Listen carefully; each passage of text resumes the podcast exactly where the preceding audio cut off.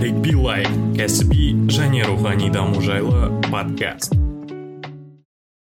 Сәлем достар біздің бізде бүгін өте бір кезекті керемет подкаст болайын деп тұр. Қонақта марфуға шапиян біздің әйгілі білмеймін өте өзім өте ә, сүйіп оқитын ә, журналист блогер саяхатшы білмеймін енді көп айтуға болады. Ә, марфуға шапиян марфуға ханым қош келдіңіз. Рахмет нәрікбек сізге. Алла разы болсын осылай подкаст жасап одан кейін шақырып жатқаныңызға. Осылай қалай мамандығыңыз басқа болса да осы шығармашылық әлеміне қызығып және дамиын өсем деген адамдарға осындай пайдалы подкасттар жасап жатырсыз. Сізге де көп рахмет. Білмеймін не айтарымды білмей қалдым ғой.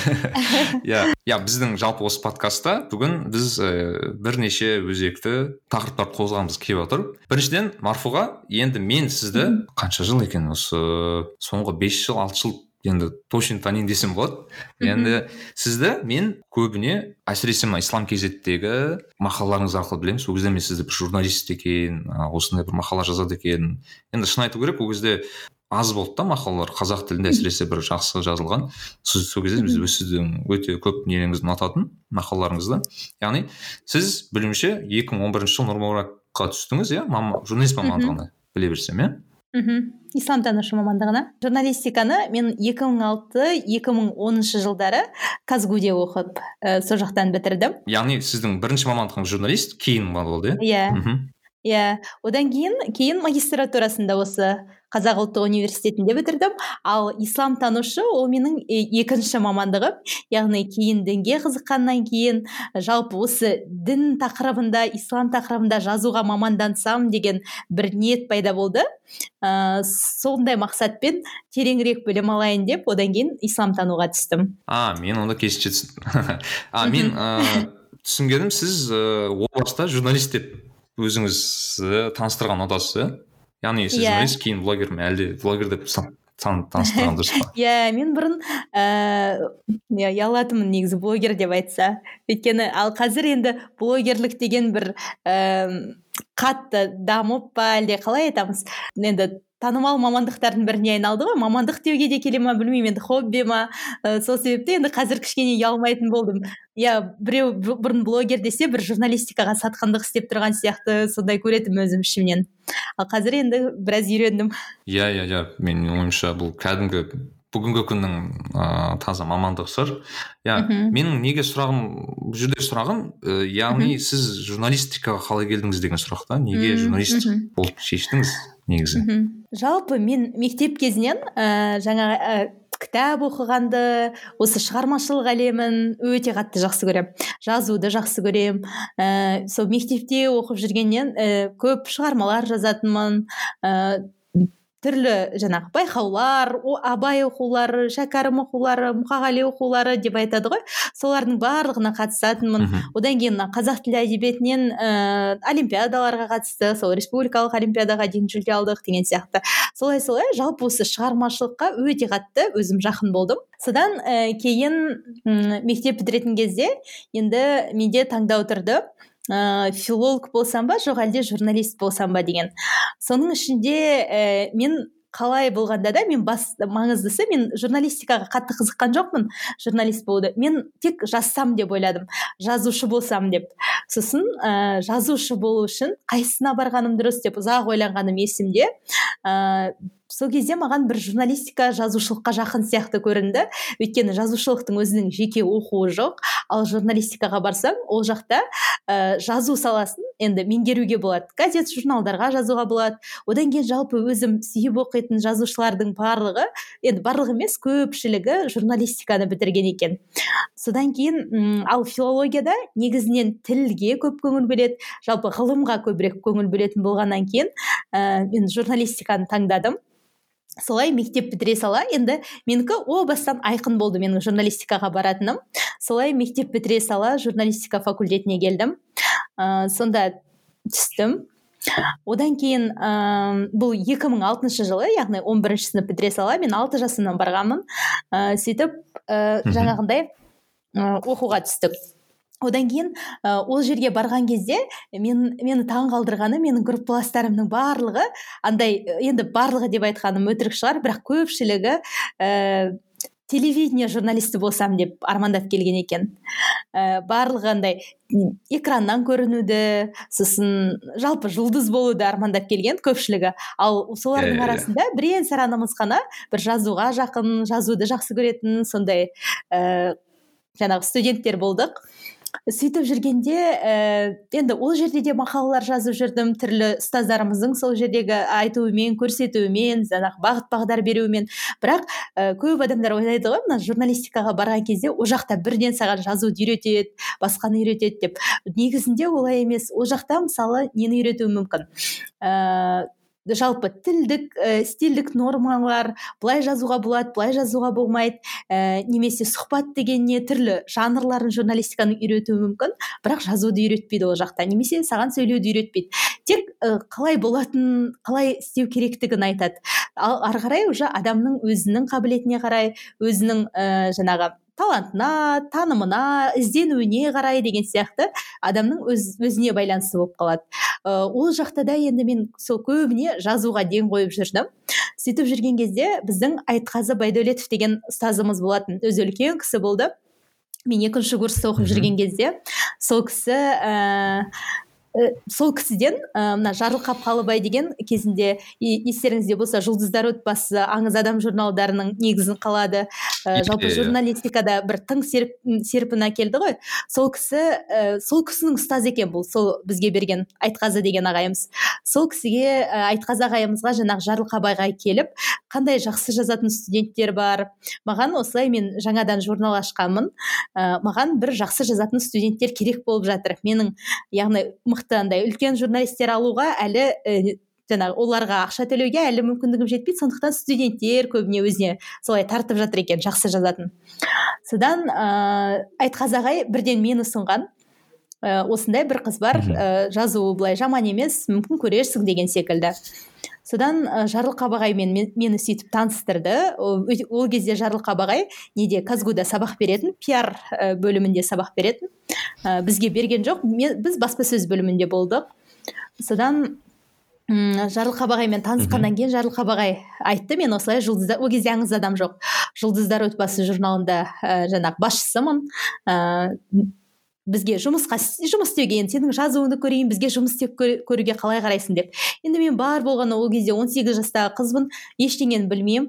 Ә, бірақ мен өзім ішімнен білетінім мен жұлдыздармен жұмыс істегім келмейтін. Өйткені ол менің тақырыбым емес менің әлемім емес. Ә, сосын мен айттым мен жұлдыздар маған ұнамайды мен олардан сұхбат алу ондай жақсы көрмеймін деп айттым да мен істегім келмейді деп сөйдедім ондай. Басқа тақырып бар ма деп сөрадым сосын ол кісі айтты жарайды ойланайық деп сөйдеді сосын как раз сол кезде ә, демалыс уақыты болды да мына қысқы демалыс сөйтіп мен ауылға демалысқа кеттім. Сосын келгеннен кейін онда кел редакцияма кел деп өзінің редакциясын айтып ә, мені жіберді.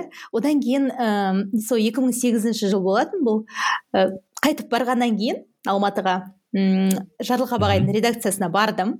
Сосын барып енді алғашқы тапсырмамды алып көрейін деп отырмын. Ә, сосын ә, ол, кез, ол кезде тағы сұрады ол кісі. Кімнен сұхбат алғың келеді? Кімдерден алғың келеді? Қай әншіден алғың келеді? Немесе ә, актердан ба деп сөйлейді сосын мен айтамын жоқ мен ә, олардан алғым келмейді. Мен жазушыларды жақсы көремін негізі ақын жазушыларды мүмкін солардан деп сөйтіп едім. Онда ә, ол қаңтар айының соңына қарай болатын енді ол уақыт. Сосын ыыы ол кісі айтты жақында мұқағали мақатаевтың туған күні келе жатыр тоғызыншы ақпанда туған күні ыыы соған сен бір материал дайындап көр онда. Ыыы мұқағали мақатаевтың ұлы жұлдыз деген ұлы осы алматыда тұрады. Бақытгүл деген келіні бар сол кісілерден сұхбат алып келсең қайтеді деп сөйтіп ә, жаңағы жұлдыз ағаның нөмірін берді маған. Мен мәзбін өзім мұқағалиды қатты жақсы көремін мектепте өлеңдерін жаттағанмын деген сияқты. Енді бізге олар ол тұлғалар кәдімгі идеал ғой. Ә, сондай немен келдік? Арманмен сондай ә, алып ұшып келген кезіміз ғой алматыға. Содан ә, қуанып жұлдыз ағаға хабарласып үйлеріне бардым. Үйлеріне барып енді сұхбатқа өте күштілеп дайындалдым жаңағы сіз секілді. Ііі мұқағалиды өзім бұрыннан білетінім бар күнделігінде оқығанмын өлеңдерін де білемін. Жақсылап енді сұхбат алып келдім.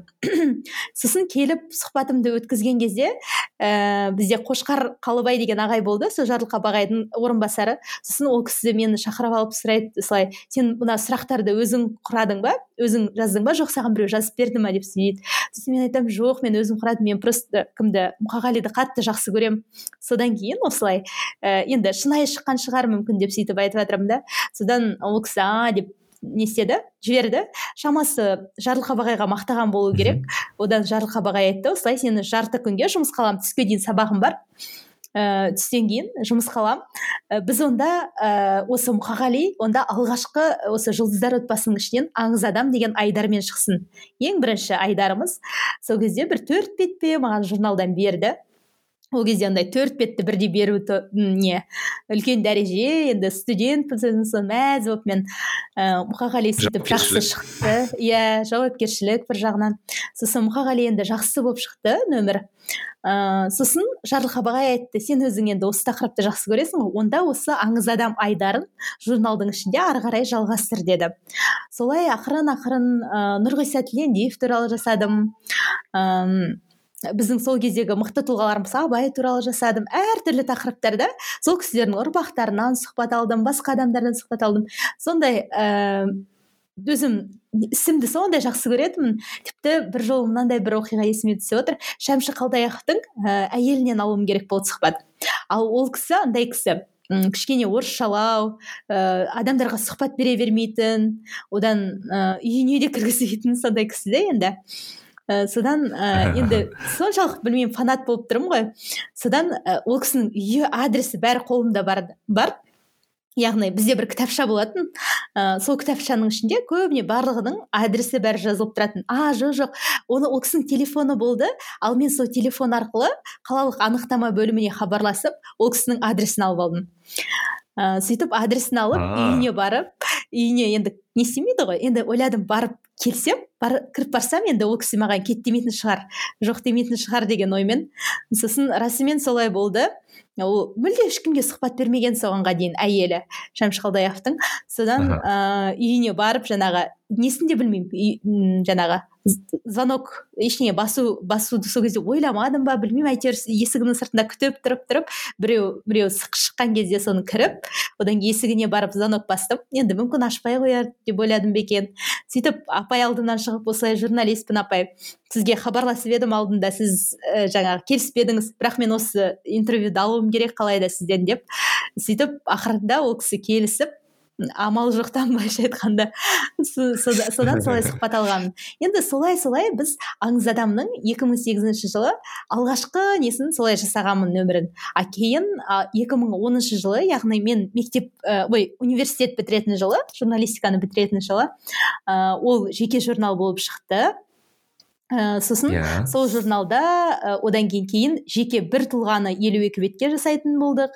Ә, кейін сол редактордың орынбасарлығына дейін ә, көтерілдім сол жерде. Ол кезде ешқандай әлеуметтік желі жоқ фейсбук деген фейсбук сол кезде соңына қарай шығып жатты енді. Ештеңе жоқ сол журналда жазып сол өз қазанымызда өзіміз қайнап дейді ғой. Солай мәз болып ә, жүргенбіз сондай. Енді сол өзім сүйікті тақырыбымды ә, тұлғалар туралы солай жаздым.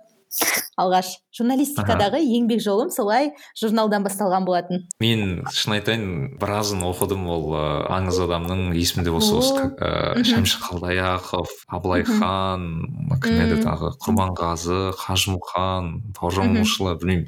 Өзіме шынымен өйткені тың ә, информацияны көруге болатын. Әсіресе өйткені мысалы біз көбінесе ол кезде яғни сіз айтқандай интернет жоқ ол кезде иә. ана кітаптарды іздейсіз ол кезде сурет бағанағыдай әдемілеп жасалған дизайны бар бір зат жоқ та сол аңыз. Иә. адам ғана болатын иә. Yeah. ә, сондықтан білмеймін өзіме қатты ұнайтын үйде бір үлкен бумас жататын соның. Иә иә. Сол біз бір аңыз адамды жасар кезде ә, кемінде бір 15-20 шақты кітапты ақтаратынбыз. Ол кемінде. Сосын ә, мысалы бауыржан момышұлыма біз бұрын бауыржан момышұлының соған дейінгі жазылған дүниелерін емес жаңа дүниелер беруге тырысатынбыз. Мысалы кітаптарда жоқ мысалы ғалымдар енді енді зерттеп жатқан енді айтып жатқан деген секілді. Сондықтан бұл ә, аңыз адамда жұмыс істеу менің өзімді де өсірді. М жалпы оқырман ретінде сол жердегі мысалы қай жұмыста адамға соншалық кітап оқуға мүмкіндік болады сондай өзінің өсуіне мүмкіндік болады ондай жұмыстар сирек шығар деп ойлаймын. Бір сондай бір үлкен мектеп болды бұл ә, журнал. Мен сосын кейін басқа жақта істеген кезде де немесе өзім қарапайым блог жүргізген кезде де қазір әлі күнге дейін сол аңыз адамнан бір есімде қалғанын ә, немесе сол жердегі үйренген іздеу жүйесі бар ғой. Іздеу жүйесі жалпы зерттеу жүйесін әлі күнге дейін қолданып келемін. Сондықтан ә, енді ол бір еңбек жолыма өте ризамын. Алла тағаланың солай бір ә, сәтін салғанына дейді ғой. Иә өте менің ойымша өте керемет тәжірибе болған шығар. Ал бір ә, одан шәмші қалдаяқовтан бөлек болды ма сізде бір мысалы бір зерттеп бастадыңыз да осы бір тұлға жайлы білмеймін бір переворот дейді ғой басыңызда өзгеріп мен білмеппін бұл кісіні мүлдем басқаша таныппын деген секілді сондай бір болды ма? Болды иә. басқаша басқа қырмен тану деген. Мен мектеп кезінде көбіне қазақ жазушыларын оқитын өйткені өзім өскен ортам қазақи ііі жалпы қалыптасқан енді дүниенің бәрі қазақи ғой бізде. Сондықтан мен қазақ жазушыларын ғана оқыдым қазақ тұлғаларын ғана оқитынмын. Содан ә, жаңағы бізде жиналыс болады аңыз адамның. Жиналысы болған кезде ә, кімді ұсынамыз келесі аңыз адамға деп редакцияда өзіміз талқылаймыз. Сол кезде мен ана қазақтарды айта беремін. Мысалы о оралхан бөкей деген мықты жазушы деп айтамын жарылқабақ ағаға ол кісіні жазбасақ болмайды ол кісінің андай мындай мықты ә, жаңағыдай несі бар десем ол кісі айтады ой жоқ оралхан мықты ғой иә мықты бірақ ә, толстой одан да мықты немесе достоевский одан да мықты сен кішкене әлемдік жазушыларға қарасайшы дейді. Сосын мен айтамын жоқ ә, ағай сіз шамасы о, дұрыстап оқымағансыз ғой деп қоямын өзім. Негізі ана кісі мықты деп қазақ жазушыларын қайта қайта айта беремін немесе қазақ тұлғаларын айта беремін. Сосын ыыы өйткені өзім шынымен білмеймін ғой. Білмегеннен кейін адам солай ә, жаңағы өзінің ә, қалай шыққан биігі ғана биік сияқты көрінеді ғой. Міне тура солай болды да. Менің yeah, өзім yeah. оқығандарым ғана бір. Солар ғана мықты ана қалғандары оқымағандарым олар мықты емес сияқты көрінетін. Содан ә, бір күні жаңағы ә, жарылқап ағай енді тапсырма береді бастық қой бәрібір. Ә, айтады осылай толстойды жазасың деп сөйтті. Сосын ой не істедім ренжідім одан да кімдерді бірінші жазу керек еді жаңағы өзіміздің жазушыларды толстой деген не ол енді? Орыстың жазушысы деп өзімше енді ә, менсінбей сөйтіп қарап. Содан ә, бірақ ә, толстойды сол жазып шыққаныма кейін өте қатты қуандым. Өйткені толстой ә, жаңағы сіз айтқандай менің жан дүниеме ә, төңкеріс әкелген жазушы болды. Кейін менің ең сүйікті жазушыларымның біріне айналды. Сонда толстойдың өмірін зерттеу барысында мен мұншалықты андай өзінің нәпсісін жеңген адам деп айтамыз ғой біз. Ә, сондай адамдарды мықты деп айтамыз мысалы yeah. Иә. мысалы ә, пайғамбарымыз саллаллаху алейхи мөлшемімен айтамыз ғой енді сонда қарасам толстой өзінің нәпсісін жеңген адам. Ә, және ол бай болды иә граф өзі. Бүкіл енді байлығы да болды атағы да болды бала шағасы иә оннан астам бала шағасы бар. Төрт құбыласы түгел бірақ құдайды іздейді ақиқатты іздейді өзіне тыныштық бермейтін адам.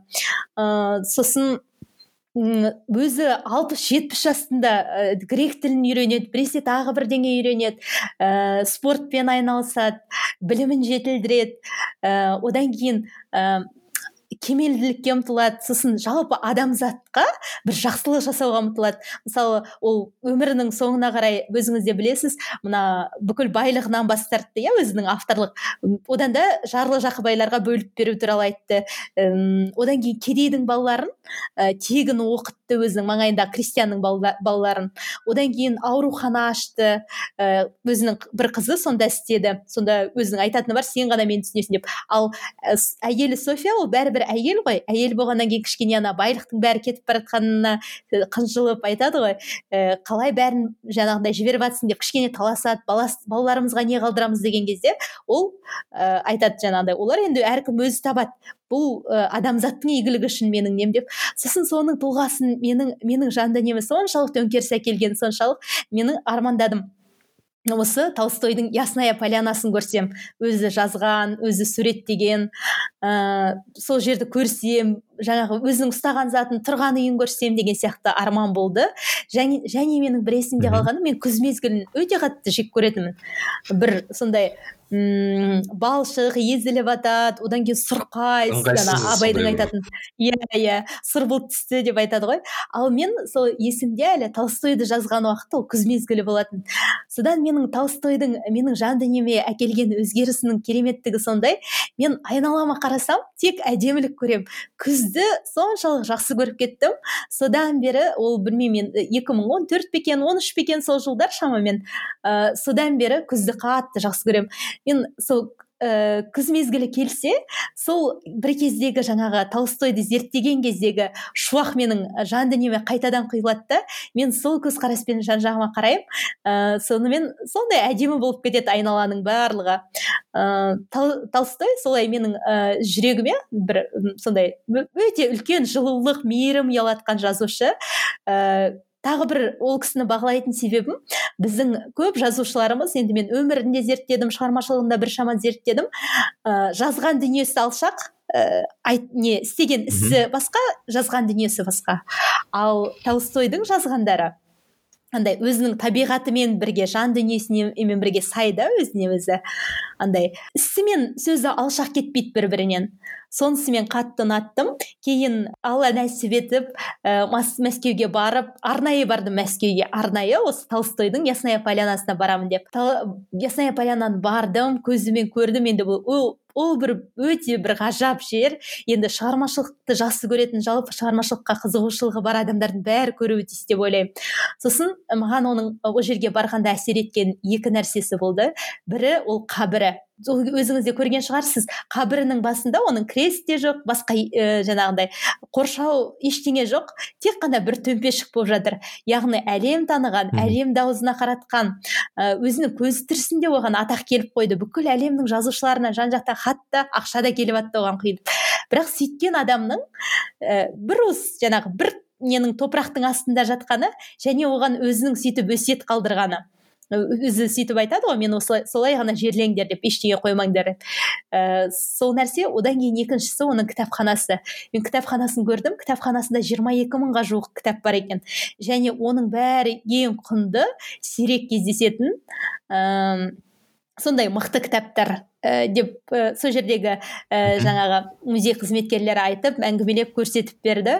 Одан өзге де ә, жаңағы жазушының өзінің ә, тепкен велосипедіне дейін тұр қартайған шағында айналысқан жаңағы көтерген кір тастары дейді ғой. Соның барлығы енді өте керемет. Солай бір әсер еткен. Әлі дейін сақталған ба соның бәрі? Соның бәрі сақталған. Бәрі сол қалпында ә, сол күйінде сақталған. Және ясная поляна деген ол үлкен жер алқабы. Ә, өзі бай болған ғой жаңағы айтқанымдай. Және есігінің алдында әдемі көл тұр.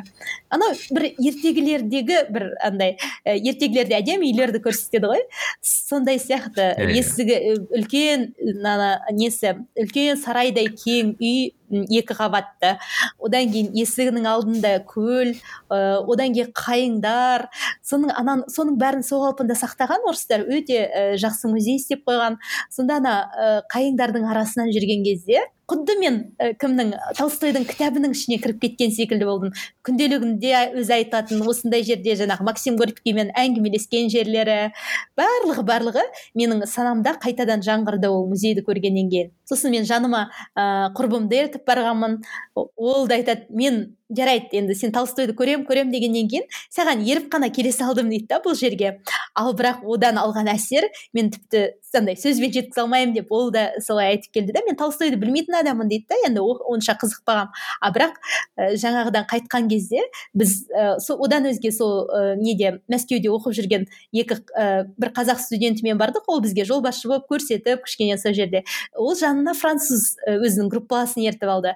Ол француз группаласы төртеуміз қайтып келе жатырмыз. Кешке қарай таңертең барғанбыз қайтып келе жатқан кезде ешкім сөйлеспейді бір бірімен ә, сосын сұраймыз ғой қалай қалай десек айтады да менде сөз жоқ деп бір бірімізге айтамыз да бізде тіпті сөз де болған жоқ бір бірімізге айтайық десек мен мұндай әсерді ешқай жерден алмағанмын деп. Олар да ол да айтып жатыр жаңағы француз жігіт те айтып жатыр да мен кімнің толстойдың қажымұратын ғана оқығанмын бірақ соның өзінде мен мынандай керемет енді әсер болады деп ойлаған жоқпын деп сөйтіп айтып келе жатыр да. Сөйтіп күшті әсермен қайтқанбыз. Міне бұл жаңағы аңыз адамдағы бір тұлғаның менің өміріме тигізген әсері ары қарайға ал одан өзге ол жердегі әр тұлғаның өзіндік орны бар. Мен әрқайсысын айтсам да қазір оның қалай жазылғанымыз қалай ізденгеніміз біздің оның өміріндегі қызықты деректерге қалай тап болғанымыз. Мысалы олардың ұрпақтарының қазіргі бір кейбір мықты тұлғалар болады ғой. Ұрпақтары кішкене ә, енді ә, немесе қазақ тілін ұмытып кеткен мықты тұлғаның иә? Немесе бір ә, онша емес күйде жүрсе солармен бірге қайғыратынбыз. Ә, дос қалай сондай жағдайға түсті деп? Немесе жаңағы ә, істеген ісіне басқасына сүйсінетінбіз. Сондай бір ә, керемет ә, әсер қалдырды осы аңыз адамның тұлғалары маған. Иә сол кісілермен бірге өмір сүргендей болдыңыз ғой? Иә иә. Өмір сүргендей. Енді күшті. Ал мен осы толстойға байланысты бір сұрағым бар еді. Сол анау сізде бір ә, сезім болды ма? Мысалы мен өзім толстойды былай оқыған кезде ыыы орыс демесек басқа орыс қоғамынан демесек бір білмеймін бір мұсылман адамның бір бейнесі шығатын да бұл кісі. Иә иә. Бұл кісінің маған атын айтпаса мен бір мұсылман адамның өмірбаянын оқыған сияқты болар едім да өйткені иә. даже айтып жатады ғой мысалы өмірінің соңында қабылдады қабылдамады білмеймін енді. Бірақ исламға өте жақын болды. Деп айтады ғой. Оның ыыы мысалы енді расымен біз біреуміз қабылдады дейміз біреуміз қабылдамады дейміз. Бірақ мен ол кісіні сіз айтқандай жаңағы ыыы ақиқатты тапқан жазушы деп айтар едім. Біз кейде алланың бір несін ақиқат деп айтамыз ғой. Ал ол ақиқатты тапқан жазушы оны шіркеуден қуды ыыы ол жаңағы үш құдай болуы мүмкін емес деп ақылымен жеткен адам да ол. Ыыы енді алла қаласа алла үміт етемін мен ол кісінің де сол расымен енді шынымен жүрегінде не болғанын білмейміз ғой. Бірақ өзім сондай қатты жақсы көретін болғаннан кейін сол ә, ертең пайғамбарымыз саллаллаху үмбетінен болса екен деп үміт етемін. Өйткені оның ә, жазған ә, естеліктері бар ә, күнделігінде де жазғаны бар. Жаңағы пайғамбарымыздың дұрыс пайғамбар екенін айтып кеткені немесе бұл ислам дінінің дұрыс дін екенін айтып кеткенін өзім оны іздеп оқыдым. Ал нақты мен қабылдадым деп айтпаған. Бірақ ол ақылымен мойындап тұр жүрегімен мойындап тұр және шіркеудің ісін ә, жоққа шығарып тұр. Сондықтан ә, расымен ол кәдімгі бір мұсылман секілді да оның ә, әрекетінің барлығы. Ә, сондықтан жаңағындай болуын үміт етемін дұға етемін және солай болуын. Иә. Иә яғни сөзбен болса да ісімен ыыы мұсылмандық әрекеттері көп Иә, болған иә. деседі иә. Ал кейін ыыы сіз мен білсем шықтыңыз иә бұл жұмыстан яғни Иә. аңыз адамнан? Мхм а себеп неде болды мен ол жерде жеті жылдай жұмыс істедім. Сол студент кезімнен алған кезде 2008-ден 2015-ке дейін істедім. Маған бір жаңа нәрсе керек болды. Ә, жаңа нәрсе керек болды. Ә, жаңа бір қызығушылықтар пайда болды деген секілді. Одан кейін жалпы өзім алматыда жүрдім. Енді астананы да көрсем деп ойлап жүрдім. Сол жақта сіңілім оқыды сол жаққа қоныс аударып көрсем бе деген секілді ойлар болды. Сондай мақсатта көріп қайтайын. Ыыы одан кейін мен магистратураны бітірдім де мүмкін менің ә, жаңағы ә, ұстаз болып көргім келді. Ұстаздық бір, біршама қызықтырып ә, мүмкін мен ұстаз болып көрсем екен деген сияқты бір сондай ойлар болды. Ә, бір ізденістер дейді ғой. Ә, сондай оймен кейін астанаға қоныс аудардым. Астанаға қоныс аударған кезде ә, қайрат жолдыбайұлы ағаны бұрыннан танитынмын. Ол кісі өзі де ә, оған дейін де бір екі рет мақала жазып сөйтіп жүргенмін ислам кезетке сол кезде мен астанаға қоныс аударатынын білген соң ол кісі өзіне жұмысқа шақырды. Ә, сонымен қатар ә, менің ол жаққа барғандағы мақсатым евразия ұлттық университетіне ә, неге? Ұстаздық журналистика факультетіне ұстаздық етейін деп ойладым. Солай жұмысқа тұрдым. Ә, бірақ ол менікі емес екен. Яғни менікі ол жазу екен м сосын ол жақта бір жыл істегеннен кейін ол жұмысты қойдым. Сол түбегейлі ислам кезеттегі ііі мақала жазумен ары қарай айналысып кеттім. Ол жақта да менің тақырыбым негізінен тұлғалар болды. Өзіңіз айтқандай басында. Иә ә, иә. тұлғалар тақырыбында. Енді мен ислам кезетке келгеннен кейін жалпы біздің қазақ ә, тарихындағы мықты тұлғалардың ә, исламмен қарым қатынасы ә, жалпы олардың негізінде жатқан ислам діні туралы сол бағытта барынша жазуға тырыстым. Иә мен өзім есімде сіз ыыы яғни тұлғалар жайлы жазатынсыз әйтеуір пайғамбар саллаллаху туралы жазатынсыз даналық туралы әртүрлі білмеймін өзіме өзіме қатты ұнайтын сол мақалалар а мен сіз әлі күнге дейін жазып жүрсіз ба ол жақта әлде ә, тек блогқа жазып жүрсіз ба сол мақалаларыңызды жоқ қазір жазып жүрген жоқпын. Қалай сол декреттік демалысқа кеттім. Содан бері ә, жазып жүрген жоқпын. Жазылмай қалды. Негізі мен ол жақта көбінесе ер адамдар туралы жазғам. Осы осыған дейін. Бірақ кейін ә, бір серия сондай бір топтама ма. Енді ә, біздің ә, мықты аналарымыз туралы жазсам деген бір ой келді. Өйткені көп зерттелмей көп айтылмай қалып қойып жатқан. Мысалы мен шәкәрімнің анасы туралы жаздым. Сол кезде өзім қатты таңқалдым өйткені ә, жалпы құнанбай өзі балаларына текті жерден ә, сондай ә, әйел алып берген ғой. Ә, сол кезде мысалы шәкәрімнің анасын құдай берді деген ұлына құнанбай қыз айттырған кезде ондай байлығы да керемет көп емес. бір орташа дәулетті адамның қызын айттырады. Сол кезде кейін одан сұрайды ғой неге сол кісінің қызын айттырдың? дегенде олар оның қыздары білімді деп айтады. Ол қыздарына білім береді деп. Сол себепті мен ол соны айттырдым дегенді айтады. Расымен де құнанбай кімнің шәкәрімнің анасы төлебике өте дана әйел болған. Өзінің әкесінен үйренгені бар ол бірнеше тіл біледі. Араб тілін түркі тілдерін парсы тілдерін шәкәрім сол анасынан үйренген деседі. Мысалы өзінің әкесі ерте қайтыс болды ғой отыз үш жасында бар жоғы қайтыс болды. Ә, қалған білімді негізінен анасынан алады. Сол кезде ә, сол секілді біздің мықты мықты аналарымыз бар. Сол аналарымыз ә, туралы жазып енді ол бір жазылған мақала ғана бірақ бір үлкенірек зерттеу жүргізіп біздің қазіргі қазақ әйелдеріне қазақ қыз келіншектеріне бір сондай бір үлгі ретінде міне біздің осындай аналарымыз болған бір осы нәрсесін үйренуімізге болады деген секілді бір жазсам деген бір ой болған. Енді алла қаласа ол бір болашақтың еншісінде деп ойлаймын. Бір мүмкін болашақта сол ә, ислам кезетке жазып қалатын шығармын сол тақырыпта. Немесе бөлек кітап ретінде жазармын. Енді оны ә, алда көреміз. Бұйыртқаны болар.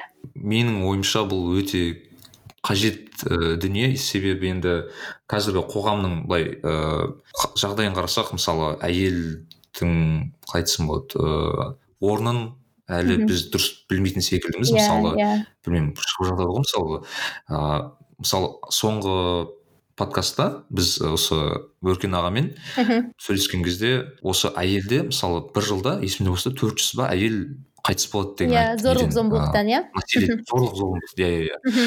Яғни біз мысалы коронавирустан он он бес адам қайтыс болса сондай бір шу шығармыз бірақ жылда yeah. Иә. мысалы төрт жүз әйел өз күйеуінің қолынан қайтыс болады дегенде мен өзім шошынып қарадым да. Менің ойымша біз бағанағыдай біздің аналарымыздың ыыы білмеймін біздің қоғамға қалай әсер еткені туралы мүмкін білмейтін шығармыз деген бір ойға келдім сондықтан. Иә иә. Расымен ә, бір әйелге деген көзқарас кеңес кезінен кейін өзгеріп кетті ме деп те мен де ойлаймын. Өйткені бұрындары бізде мұншалықты ә, жаңағындай төмендететіндей немесе мұншалықты жаңағыдай қысым жасайтындай ұрып соғатындай ондай жағдайлар болмаған еді ғой біздің кеңес кезіне дейінгі ә, қазақ қоғамында. Әйелге құрмет болатын тіпті бір ауыл бір аймақ аузына қараған әйелдер өткен аналарымыз өткен немесе қандай батыр аналарымыз өткен не бір мықты. Сондай сондайлардың барлығын расымен біз бір ұмытып ұмытып қалған секілдіміз. Мына кеңес кезіндегі бір кезең барлығы мына еркек пен әйелді теңестіреміз деді ма? Әлде басқандай бір себептер болды ма әйтеуір? Бір сол кезеңде ә, расымен ә, бір әйелдің ә, қадір қасиеті төмендеп кеткен секілді. Соны енді бізге барлығын ақырын орын орнымен қайтару керек көрінеді. Сонымен қатар жалпы біз мына ислам дінінің де негізі ә, біршама әсері бар. Мысалы бізде ислам діні ә, 91 жылдан бастап кіре бастадық десек біз ислам дінін ә, бізде бұрын болмаған дін секілді қабылдай бастадық. Ә, бір қаттылық болып мысалы әйел еріне бағыну керек ә, разылығын алу керек деген нәрсені ә, біз дұрыс түсінбей кетеміз кейде. Мысалы разылығын алу деген иә. ол бүкіл айтқанын істеу деген сөз емес қой немесе бір ыыы құл секілді жұмса деген ондай сөз емес қой. Ал бізде солай қолданатын да өкінішке қарай ер адамдар бар солай көретін де ер адамдар бар. Ал бірақ пайғамбарымыз саллаллаху бүгін ғана мен осы туралы бір жазба жазып едім. Пайғамбарымыз саллаллаху қалай деген? Әйелдеріңе жақсы қараңдар деген. Оларды еркелетіңдер.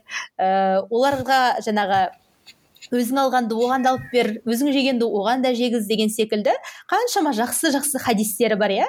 Әдемі немесе жай ғана осы нәрседе пайғамбарымыз саллаллаху мысалына қарасақ ол қай, қай әйеліне қол көтеріпті иә? Немесе қай әйелімен бір конфликтқа келіпті? Біз өзімізге үлгі етіп алған сол пайғамбарымыз саллаллаху немесе ыыы білмеймін. Ә, бір оның тіпті ә, әйелдерінің тарапынан шығарған бір шу шығарса әйелдері тарапынан бір не болса пайғамбарымыз саллаллаху оған күліп қоятын. Немесе жай ғана бұл шешелеріңнің еркелігі ғой деп маңайындағы ә, жаңағы балаларға солай ғана жымиып жеткізетін иә? Қандай әдемі.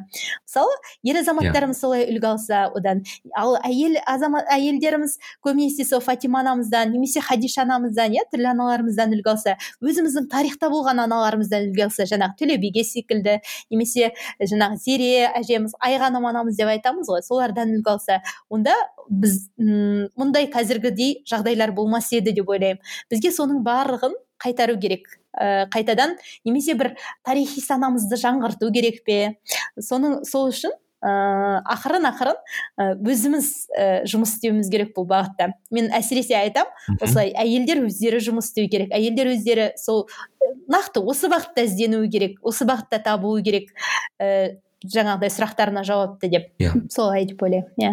Соңғы осыған мәселе қосқым келгені мысалы қазір мынау қазақстанда ана батыстың былайша айтқанда елеуімен десем бола ма? Әлде әйтеуір бір феминизмдік бір ыыы қозғалыстар бар да? Иә иә. Менің енді бұл жағы нем жоқ енді бұл дұрыс дұрыс емес деген. Бірақ ә, бұл жерде ә, не керек секілді бағана контекст керек секілді біз мен айт, былайша айтамын да ә, қазақша феми, қазақи феминизм керек та. Яғни yeah, иә, біз yeah. Иә. бұрынғы жаңағы ата апаларымыздың мен мысалы апамды қалай көрдім мысалы немесе ә, олар жеке ә, жауапкершілікті алған өте бір сыйлы кісілер ғой. Иә иә. Біздің қазіргі ыыы бағанағы дінге енді келген адамдар мысалы бағана сіз айтпақшы ыыы бағыну керек деп бағанағы құл секілді қозғалмайды жоқ олай болмайды yeah. деген секілді. Яғни yeah. Иә. ашу керек секілді әлі де. Иә. Біз бағана дін туралы бастап едік соны кішкене жалғастырғым келіп жатыр. Мхм. Сіз енді мен көбісі журналист ретінде де өте көп дін жайлы даналық жайлы осы рухани бір даму тақырыбында өте көп жазасыз. Мхм. Менің бұл жерде өзім де өмірде көп сұраймын. Жалпы адамның маған әрқашан қызықты ыыы сол дінді қалай қабылдамау емес дінге келу деп айтсам болады яғни дінді қалай бір түсінді десем бола ма? сіз қалай келдіңіз соған? Бұл да бір қызық ә, сұрақтардың бірі. Өйткені ә, менің жалпы дінге келуім де бір ә, андай жеңіл бола салған жоқ. Өйткені м мен сол 11 бірінші сынып бітіретін жылы ә, ол кездері бір ақжүніс деген бағдарлама болды. Телеарнада беріліп жататын. Ә, сол жерде бір күні ә, бір м орамалды қыздың әкесі келіп шағым айтады осылай менің қызым сектаға кіріп кетті. Жаңағы бізді тыңдамай кетті. Ана ой енді әртүрлі жаңағы ә, бәле жаланың бәрін ана қыздың басына үйіп төгеді. Содан әкем үйде ә, мені шақырып әдейі тыңдатты жаңағы нәрсені. Сен ертең үлкен қалаға бара жатсың. Ә, осындай сенің де алдыңнан жаңағы дінге шақыратындар әртүрлі ағымға шақыратындар шығады сол кезде м сен абай бол міне көрдің бе осылай болып жатыр екен алматыда деген секілді сөйтіп айтты. Содан мен әңгіні тыңдап алғаннан иә. кейін ә, ойладым бұл бұндай мынандай орамал тағу деген қазақта жоқ. Өзім жаңағы тарихын оқып алғанмын басқасын оқып алғанмын. Әбден кітапты енді жақсылап оқып алғанмын мұндай деген жоқ. Олардың істеп жүргені дұрыс емес. Ә, намазды қартайғанда оқу керек деген секілдің бәрі енді әбден құлағыма құйып құйылып солай сондай болып бардым алматыға. Барғаннан кейін бізде бірінші курста ә, курсымызда бір намаз оқитын қыз болды. Өзі сондай шашын жайып жіберіп жүреді джинсы киіп алады. Бірақ намаз оқиды. Андай несінің сөзінің бәрі жаңағындай. Сосын жатақханада тұрамын сол кезде. Ә, жатақханада м жаңағы қыз өзі солай жүргеніне қарамастан өзі андай өте пысық қыз болды да ерінбей барлығына кіріп бәрі әрқайсымыздың бөлмемізге келіп уағыз айтады. Осылай намаз оқуларың керек сөйтулерің керек бүйтулерің керек. Сосын мен айт, мен жаңағы енді ұнатпайсың да іштей бірақ енді қарсы да шықпайсың. Бәрібір қазақилығымыз қазақи емес енді қазақтың дінге деген құрметі бар ғой бәрібір құран оқылған жерде бәрібір yeah, жеке құрметтейсің сөзін енді бөлгің келмейді. Содан ол деген сөйтіп айтып айтып кетеді. Жаңағы ол келе жатса қашып кетуге тырысса бөлмемізден ұйықтап қалуға тырысып барынша сөйтеміз. Содан сөйтіп жүріп бірінші курсты бітірдік. Екінші курс келген кезде ә, жаңағы бір ә, мен бір қызбен бір бөлмеде тұрамын деп келіскен едім. Ә, енді алланың несі ғой? Ретін келтірген ғой. Әлгі қыз мені лақтырып кетеді былайша айтқанда сөйтеді да ә, менің бірге тұратын адам болмай қалады да маған. Сосын жаңағы ііі комендант апайға барсам осылай мынандай ғана бөлме бос сенің енді өздерің курстастарың деп жаңағы ә, қыздың бөлмесіне жанымызға жібереді ғой. Ә, қазіргі мен yeah. Иә. назерке сұлтанбек деген құрбым бар. Ол да ә, сол үшеуміз бір бөлмеде тұратын боламыз. Мәссаған өзі былай қашып жүрген кезде жаңа қызбен енді бір бөлмеде тұратын болдық қой деп. Одан сайын қайғырып не істейміз енді деп. Сөйтіп ол бірінші бөлмеге жаңа орналасып қойған. Сөйтіп келсек айтады сендер тамақты дәрет алмай ішпеулерің керек давайте мен сендерге дәрет алуды үйретемін дейді. О дәрет алуды үйретеді. Ол дәрет алу деген бір қиыны қиыны көрінеді. Бізге қолыңды жууың керек бетіңді жууың керек аяғыңды жууың керек. Бұл деген не деген қиын нәрсе деп. Ренжіп отырмыз. Жаңағы сол қолмен жақпасақ оң қолмен же дейді. Ескерту жасай береді енді. Ондайды кім жақсы көрсін? Содан әлгі қызды жақсы көрмеймін ішімнен. Ә, ренжіп ә, сөйтіп жүреміз. Содан ә, күнде ә, жаңағы талас тартыс үйде ол айтады осылай істеу керек осылай істеу керек десе мен айтамын қазақта ондай болмаған қазақтар сөйткен бүйткен өзімнің жаңағы нелерімді айтамын. Содан ә, сөз таластыра береміз. Содан бір күн мен кітап оқып отырамын. Э, көп көп жағдайда ә, неде сабақтан кейін кітап оқып отырамын төсегімнің үстінде сөйтсем ә, жаңа құрбым айтады не деп ә, индира ата индира айтады ііі то сен осылай діни әдебиетті де осындай оқитын дәрежеге жетсең ғой дейді да. Мен айтамын құдай сақтасын деп мен отырамын мына жақта ондайдан. Сөйтіп сол қыздың дұғасының арқасы шығар деп ойлаймын. Екінші курс бітіргеннен кейін ол қыз тұрмысқа шығып кетті. Біз оны көрмедік. Бірақ ол ә, бізге еккен иманның дәні дейді ғой. Ол біздің жүрегімізде қалды. Содан бастап мен өзім ақиқатқа жетейін деген ой болды. Бұл енді айтқаны шынымен бір шындыққа жанасатын секілді көрінді. Содан өзім оқиыншы одан да біреуден естігенше деп. Содан ә, сол кезде бар кітаптарды ақырын ақырын іздеп оқи бастадым. Оқи, ол кетіп қалды енді тұрмысқа шығып. Оқи оқи ә, көзім жетті біздің намаз оқуымыз керек екенін ораза ұстауымыз керек екенін. Енді оразаны бұрын да ұстайтынмын апаммен бірге әжеммен. Ә, бірақ сол намазға келе алмай жүргенбіз. Сөйтіп орамалдың парыз екенін. Бірақ орамалға келу мен үшін өте қиын болды. Себебі әкем мүлде түсінбейтін. Әкем ал мен әкемізбен біз өте сондай тығыз қарым қатынастамыз қазір әкемізбен біз досымыз секілді сөйлесеміз. Үйдегі балалар yeah. Иә. сондай ә, әкемнің жүрегін жаралағым келген жоқ ә, орамал тағып ол бізді орамал тақсақ енді бір андай расымен сектаға кірді деп ойлайтындай сондай жүрегі ауыратын болды да сосын бірақ әкеме айттым осылай намаз бастағым келеді деп ол андай прям мұңайып тұрып айтты сен намаз бастасаң ертең орамалға да келемін деші деп сөйтеді орамал да тағам, тағасың ғой онда деді. Сосын мен айтамын да жоқ папа мен орамал тақпаймын. Маған намазға ғана рұқсат берші. Мен тақпаймын мүлде жоламаймын орамалға не істемеймін деп. Ә, сөйтсем сосын папа айтты ол деген баспалдақ қой деп деді. Ол түсініп тұр да жақында. Сен біреуінен бастың ертең иә. одан жоғарылағың келеді деп сөйтті. Сосын сол күйі қалдырдық. Мен көп орамалға келе алмай жүруімнің себебі де осы сол әкеме берген уәдем. О баста жаңағы намаз бастаған кезімде сол ұстап тұрды кейінге дейін ұстап тұрды содан бірақ менің жаңағы кітаптардан оқыған білімім өзіме аздық етті. Мен тереңірек білгім келді. Мен біреуге бір уәж айту үшін біреуге бір ә, дінді түсіндіру үшін жақсырақ білуім керек деп ойладым. Сол мақсатпен сол 2011 жылы нұр мүбарак университетіне тапсырып ол жерге барған кезде де алдымнан сәуле деген апайымыз шығып сосын сұрады менен саған диплом керек па? Жоқ білім керек па? деп сұрады. Егер саған диплом керек болса онда сен бір жоғарғы оқу орнынан кейін дінтануға тапсырып екі жыл ғана оқуыңа болады. Ал егер білім керек десең онда исламтануға түс бірінші курстан бастап кәдімгі күндізгі бөлімде оқисың бірақ білім алып шығасың төрт жыл оқисың деді. Сосын ә, менің мақсатым диплом болған жоқ. Ә, мен кішкене болса да дінді тереңірек білсем деген ой болды. Солай ә, күндізгі бөлімге тапсырдым.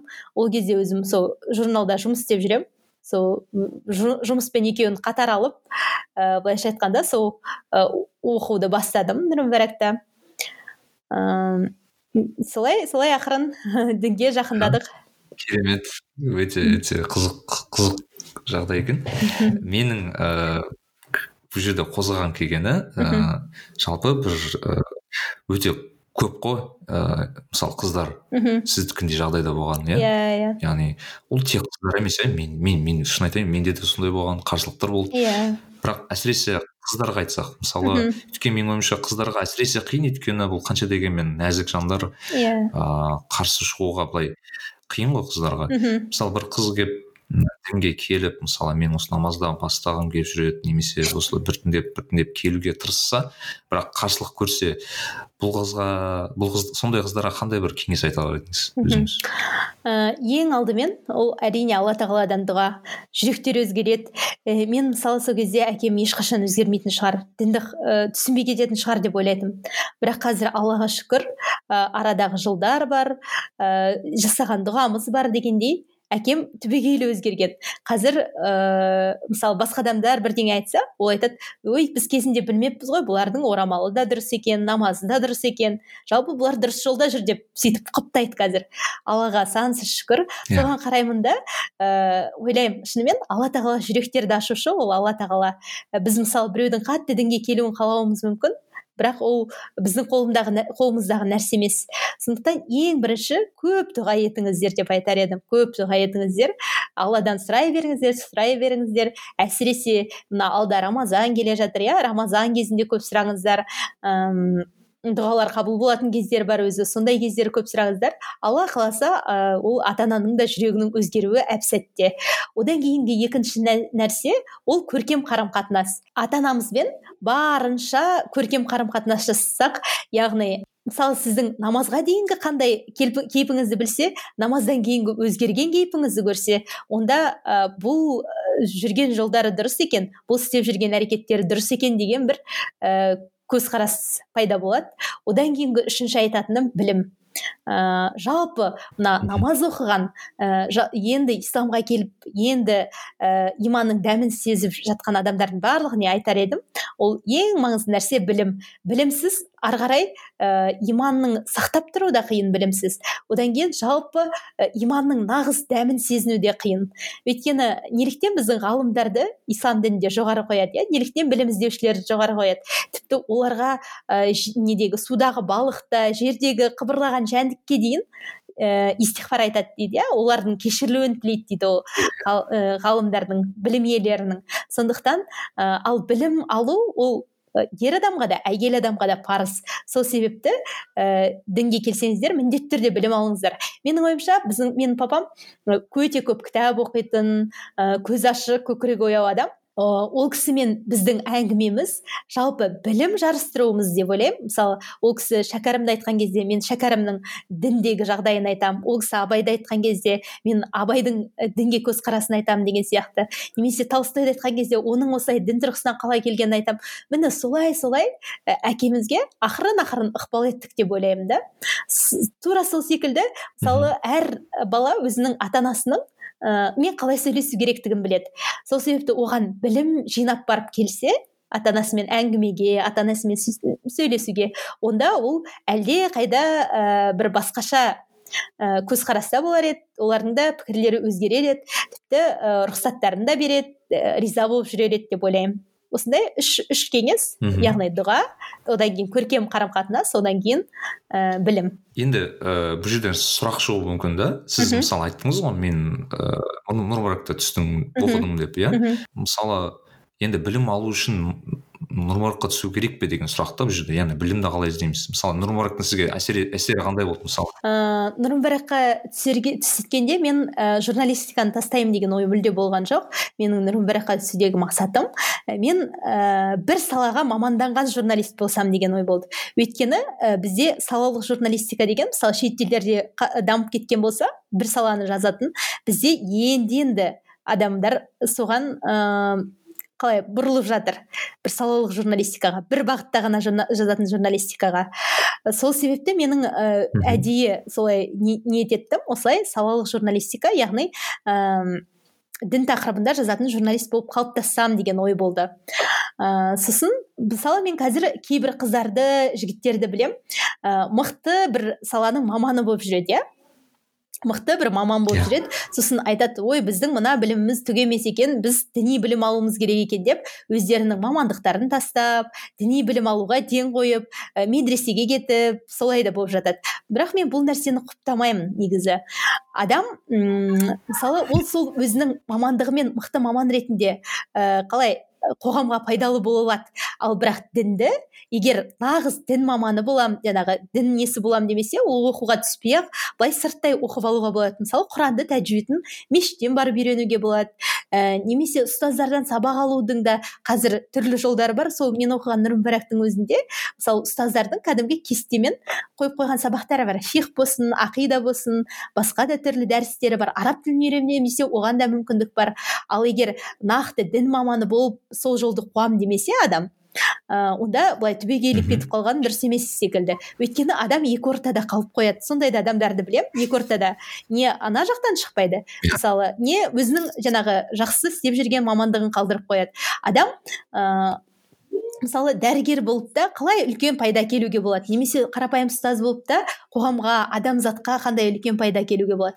немесе қарапайым мүлде қарапайым мысалы электрик болып та үлкен жақсы андай сауапқа жетуге болады да көп адам енді сауапты ойлайды ғой мысалы алланың алдындағы алланың разылығын ойлайды.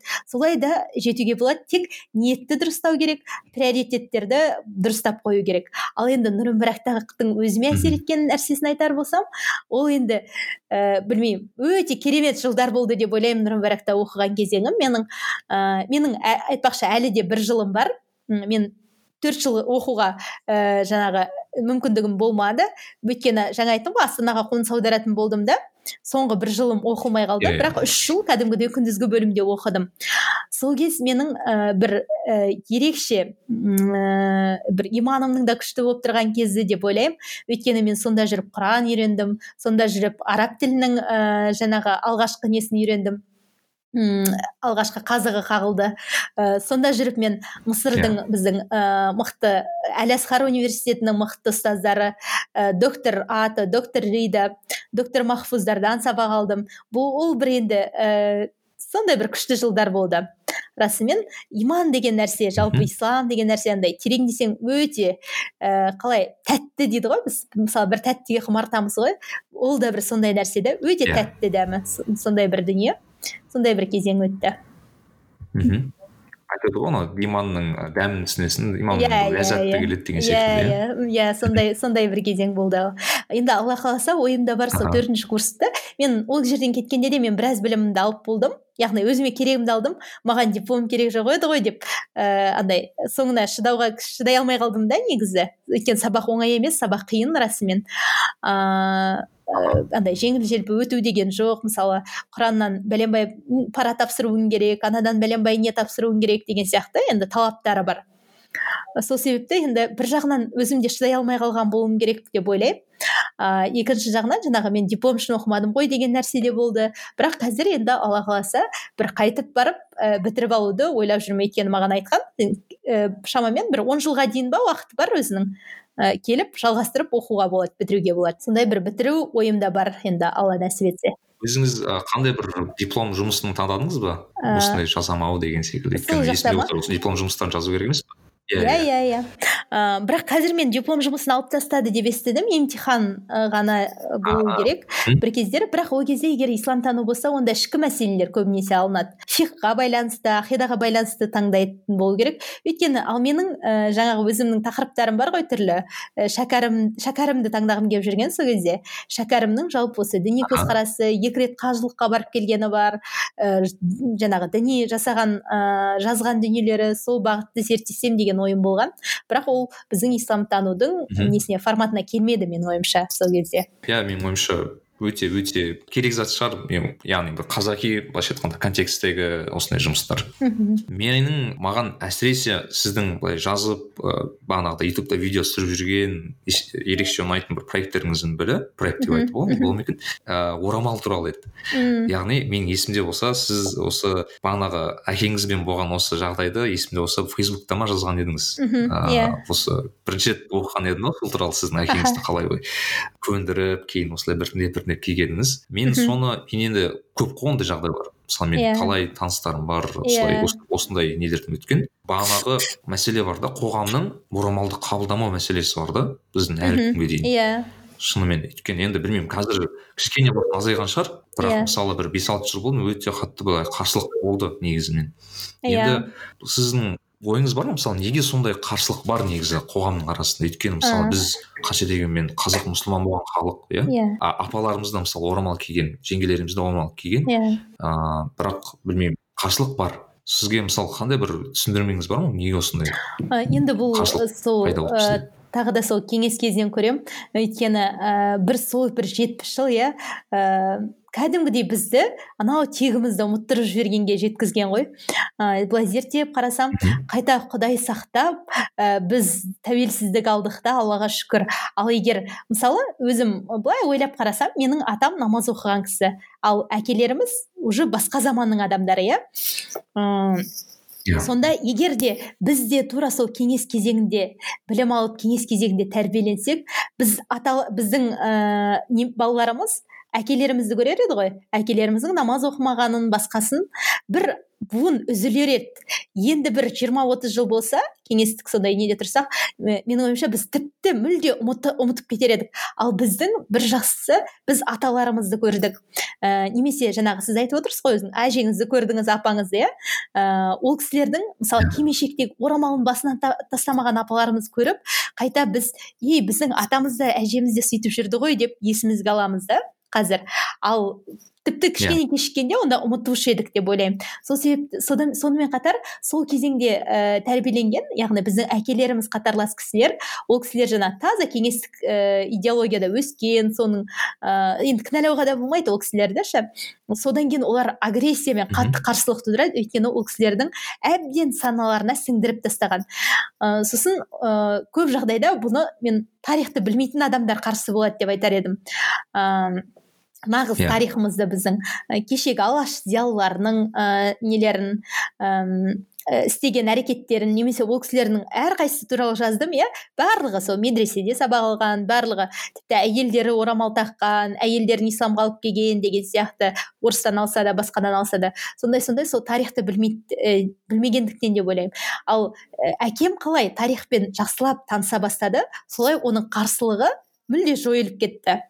Сол секілді әр адам ә, бірақ бізде өйтіп барлық адаммен ә, жұмыс істеу мүмкін емес қой. Сол себепті де олар ол кісілерде қарсылық болады деп ойлаймын. Ол кісілерді де түсінуге болады. Бұл кезең бір өтпелі кезең. Бұл кезеңде өтеді а- а, ол кісілер де түсінеді ақырын. Тек ә, біздің орамалды қыздарымызға сабыр керек көркем мінез керек ә, кішкене күту керек. Ә, менің мына ә, мен қалай орамал тақтым жобасын бастаудағы мақсатым да сол. Ә, бізде қалай орамалды қызбен сөйлеспейді көп жағдайда ше мысалы.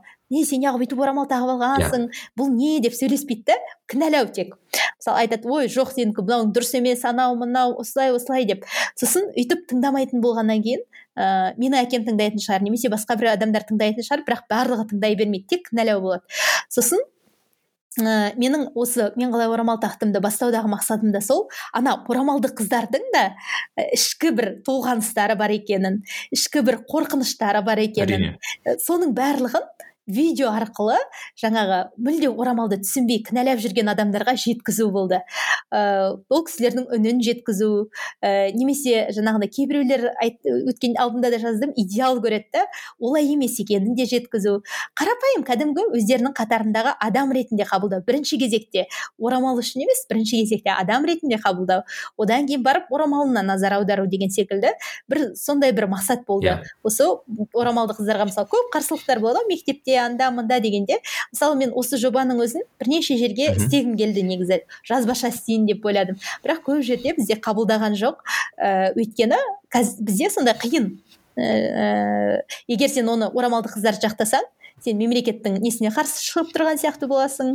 Ә, егер былай болса ә, басқалай деген сияқты. Сондықтан бір ә, өзімнің сол YouTube каналымда ә, жалғастыра берейін дедім. Ақырын ақырын адамдар көреді ақырын ақырын да ойлары өзгереді. Бір күнде болмайды ғой барлығы. Сөйтіп сөйтіп ә, мүлде жаңағындай еркін көзқараста еркін пікір алмасатындай дәрежеге жетеміз деп ойладым. Сондай мақсатпен Иә. ә, дүниеге келген жоба болатын бұл. Менің тағы бір ойым бұл жерде бұл қазір осы қарсылық біздің ә, қазақ қазақ қоғамының әлі де айтады ғой мына орысша айтқанда самоидентификация дейді. Яғни біз өзімізді қазақты кім екенін әлі танымаған секілдіміз. Иә, Өйтіп, иә. мысалы біз айтқан кезде қазақты мұсылман дейміз де бірақ ә, қазақтың қазақи мұсылман деген кім екенін әлі көрмеген мысалы әйелдің мысалы бағанағы орамал киетін айтпаймыз да себебі бізде өйткені бағана қарсылық бар сияқты әлі де мысалы Иә. орамал кисе бұл арабтікі деген секілді Иә. Арабтікі емес бұл, бұл да қазақтікі деген секілді. Жеткізу қиын сияқты бағанағы бізді бағана сіз айтпақшы тарихты былай зерттелу керек секілді ол жағын иә сосын көбінесе олар былай айтады. Мысалы сендер тарихты айтасыңдар олар кимешек киген сендердікі кимешек емес қой дейді. Содан кейін біз айтамыз бұл заманауи Иә. кимешек яғни біз сол замандағы кимешекті қазір былай киіп жүре алмаймыз ғой. Ол өте қолайсыз. Ол немесе тіпті мен киіп те жүрер едім деп айтамын. Бірақ тігетін ә, нағыз қазір бізде тігетін мамандар жоқ. Ал тігетін мамандардың өзі андай өте қымбат қол өйткені ол қолмен тігіледі басқалай. Сондықтан 25-50 мыңға дейін кетеді оны мен тіктірейін деп те ойладым тіпті. Бірақ ол сондай бағаға кетіп қалады. Ал ә, олай бір кимешекті ондай бағаға алу біздің қалтамыз көтермейді. Ал бізге одан гөрі мысалы үш Иә. мың бес мыңның арасындағы түріктің немесе жаңағы дубайдан келетін орамалдарды таққан қолайлы. Сол себепті де ә, бұл жаңағы кимешек мәселесі кішкене қалып қойып жатыр. Бірақ алла қаласа алда біздің дизайнерлеріміз шығып қыздарға бір қолжетімді заманауи кимешектер жасайды деп сеніп жүрмін. Ыыы жалпы дизайнерлерге сол нәрсені ұсынып көтеріп те жүрмін. Алла қаласа ол да болатын секілді. Ал сол кезде жаңағы бізге қарсы болып немесе не істеп жүрген аналарымыз ә, ол кісілер мысалы ол кісілерге айтсақ мысалы сіздер де кеңес кезінің несімен жалаңбас жүресіздер ғой десек ол енді бір жағынан үлкендігі бар бір жағынан не тыңдағысы келмейді ондай жағдайда. Ал ыыы қыздарды кінәлай салған оңайырақ. Бірақ енді оның бәрі ақырын ақырын түзеледі деп ойлаймын. Ә, бір ә, ақырын түзеліп те келе жатыр. Бірақ уақыттың еншісіндегі дүние секілді бұның бәрі. Бұдан бөлек менің осы осы мәселені қозғауым себебі бізде әлі күнге дейін мысалы жоғарғы оқу орындары немесе бағанағы мектептер қабылдамайды. Иә. Маған менің ойымша өте дұрыс емес жағдай. Иә. Өйткені бұл өте үлкен қоғамдағы былай ара білмеймін бір конфликт пайда болуы мүмкін Иә. бір күн. Ол конфликт бар да қазір мысалы иә. есіңде болса а, иман қуанышқызы деген блогер Иә. кісі еді Иә, Ә, фейсбукта мысалы өте көп сол туралы жазады өте Иә. актуальный. Ә, мысалы ол рас мысалы білмеймін ол қыз қыз бала мысалы үйінде анасының орамал киген келеді да мектепке қалай орамалсыз барады ол қыз иә. Әкесі қалай жібереді деген мәселе сұраққа біздің мысалы әлі күнге дейін ыыы білім министрлігі болсын басқа болсын жауап бере алмады мхм. Мен білмеймін маған мысалы осыны ойлаған кезде күлкілі жағдай пайда болуы мүмкін да өйткені бұл кісілердің айтуы бойынша бұл діни атрибут деген секілді бір қоға бір не келтіреді да аргумент келтіреді да бірақ мысалы қазақтың аталары тақия киеді Иә. мысалы да. Қазақи тақия бар ғой ою бар. Мысалы мен айтамын егер сен тақия кисең ол діни атрибут емес қой ол қазақтың тақиясы ғой деймін мысалы сен киіп мхм. біз оны мектеп, ме- мектепке бара аламын ол тақиямен мысалы бірақ ешкім айта алмайды маған бұл сен діни зат киіп тұрсың. Өйткені ол қазақтың тақиясы деген секілді. Маған ойымша осы орамалға да сондай бір подход керек секілді да яғни бұл яғни бұл діннің ә, несінен бөліп бағана контекстінен бөліп бұл қазақтікі деген секілді. Иә сол иә. кезде ешқандай ыыы ау деген сондай бір ойға келдім. Иә иә. Ол да дұрыс сосын бір жағынан бізде андай айтамыз ғой. Ә, қал- қазақстанда адам құқығы қорғалады демократия деп. Сонда ана жұмысынан босап жатқан орамалды қыздардың құқықтары қайда деймін да? Олар адам емес па? Ә, Иә. немесе иә түрлі ә, жаңағыдай кемсіту түрлі білмеймін неше түрлі жағдайлар көріп жатқан қыздардың құқықтары қайда деп сондай ойлаймын. Бір ә, расымен осы бағытта да біраз тағы да ізденіп ә, осы мәселені де көтеру керек секілді. Именно орамалды қыздардың құқық мәселесі деп. Сон оны да ойлап жүрмін енді алла қаласа алда мүмкін расымен. Жаңағы сіз айтқандай қойып көру керек иә. Менің айтқаным келгені мен мысалы ә, қазір европада өмір сүріп жүрмін. Яғни ә, голландия мемлекетінде өте көп мұсылмандар тұрады. Ол рас Иә. ол түріктер ол ә, мароккандықтар сириялықтар палестиналықтар. Әйелдердің бәрі орамал киеді. Әйелдер өте ма- заманауи киінеді былайша айтқанда. Былай голландықтың өздері өте жақсы қарайды десем болады да. Бізде бағанағы сол қазақ қоғамында мүмкін сол толеранттылық мәселесі әлі жоқ шығар деген Иә. ой пайда болды да осы жерде көбінесе. Мхм иә. Марфуға ханым біз ыыы бізде қазір рамазан келе жатыр дұрыс па? Рамазан деген біз керемет бір ай бар. Өзіңіздің есімде болса қазір бір курс жасап жатсыз рамазанға дайындық жайлы рамазан өткізу жайлы бір керемет бір қыздарға арналған курсыңыз бар екен. Жалпы өзіңіз де көп жазасыз. Енді бұл жерде сұрақ вот, ра- вот рамазанда жүрміз біз қазір. Ә, рамазанды қалай өткізу керек деген сұраққа қалай жауап бере аласыз? Ә, рамазанды енді негізінен ә, бұл біз көбінесе тамақпен ә, тамақтан ішіп жемнен ғана тыйылу деп ойлаймыз ғой. Негізінде бұл рамазан айының қадір қасиеті ол өте үлкен. Ә, бұл айда ә, дұғалар қабыл болатын ай. Бұл ай ә, жаңағы ә, адамның ә, иманының артатын айы. Ә, бұл ай былайда енді көптеген игіліктерге жақсылықтарға жетуге болады дәл осы ай арқылы. Сол себепті біз тек қана ораза емес ә, бұл айда көбірек ә, намаз оқып көбірек дұға жасап ә, көбірек ә, истихфар мен салауат айтып сонымен қатар басқа да ізгі амалдар иә садақамыз бар немесе өзге де айналамызға жақсылық жасауымыз бар. Соның барлығын жасай отырып ә, бір алланың разылығына жетсек міне онда біз ұтқа мұсылмандардың ә, қатарында боламыз алла қаласа. Енді ә, бір айта кететін нәрсе мысалы ә, ертең біз көп жағдайда айтады ғой мына алла тағала мысалы ертең алла тағаланың алдына барған кезде біздің амал дәптеріміз таразыға салынған кезде егер біз біреуді ғайбаттаған болсақ басқа болсақ біздің сауапты істерімізден алынады деп айтады ғой. Мысалы сонда осы тек қана осы ораза ғана адамнан тартып алуға болмайды екен осы оразаны ғана. Мен жақында осы нәрсені естіп қатты таңғалдым осы рамазанға дайындалу барысында. Яғни біздің басқа сауапты амалдарымызды алып қоюға болады екен да тек оразаны ғана алып қоюға болмайды екен. Және осы оразаны рамазан айының оразасын ғана алла тағала оның ә, қандай сый беретіні айтылмаған оның есебі ә, жоқ. Мысалы кейде андай бір жақсылықтарға айтады ғой мына жақсылыққа мынанша сауап бар мына жақсылыққа мынанша сауап бар деп. Ал осы оразаның ғана сыйын алла тағала өзім беремін дейді. Сондықтан осы рамазан айында ә, шын ықыласпен бар жан тәнімізбен дұға етіп шын ниетімізбен оразамызды ұстап қабыл болатын оразалардан етуге тырысып. Сонымен қатар қосымша амалдар көбірек дұға етсек иә өйткені дұғалар қабыл болады. Көбірек құран оқысақ өйткені бұл құран айы. Сосын көбірек ізгі амалдар істесек алла қаласа бір жақсылыққа жетеміз деген ойдамын. Сондықтан ең бірінші оразаға ниетімізді дұрыстау одан кейін ізгі амалдарды көбірек істеу құранды көбірек оқу. Міне ә, осы бар неміз. Одан кейін әрине біз әйелдің күнделікті тіршілігі бар басқасы бар. Мына ә, мұсылман әйелдің бір күнінің қалай өтуі тиістігі жөнінде де жасадық. Яғни ә, үй шаруасының ә, арасында қалай намаз оқу керек.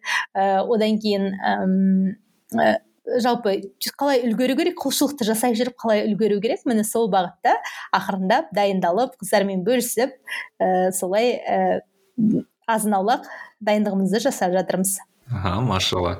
Ал ә, мен мысалы айтамын да ә, көп адам мысалы бір әсіресе мысалы бірінші алғашқы бір рет бірінші рет немесе екінші рет болсын ұстап отқан кезде оразаны ыыы тамақ мәселесіне қиналып қалады да яғни иә. тойып бір тамақ жеп алады кейін иә. күні бойы қиналып жүреді. Мен айтамын да сен керісінше ораза кезінде рамазан кезінде иә тамақты аздау жеу керек деген секілді ұсыныстар айтамын да бірақ қабылдай бермейді деп айтамын сен тамақ жеп алдың сен сегіз сағат бір он он бес сағат бойы сен тамағың қорытылады деген секілді.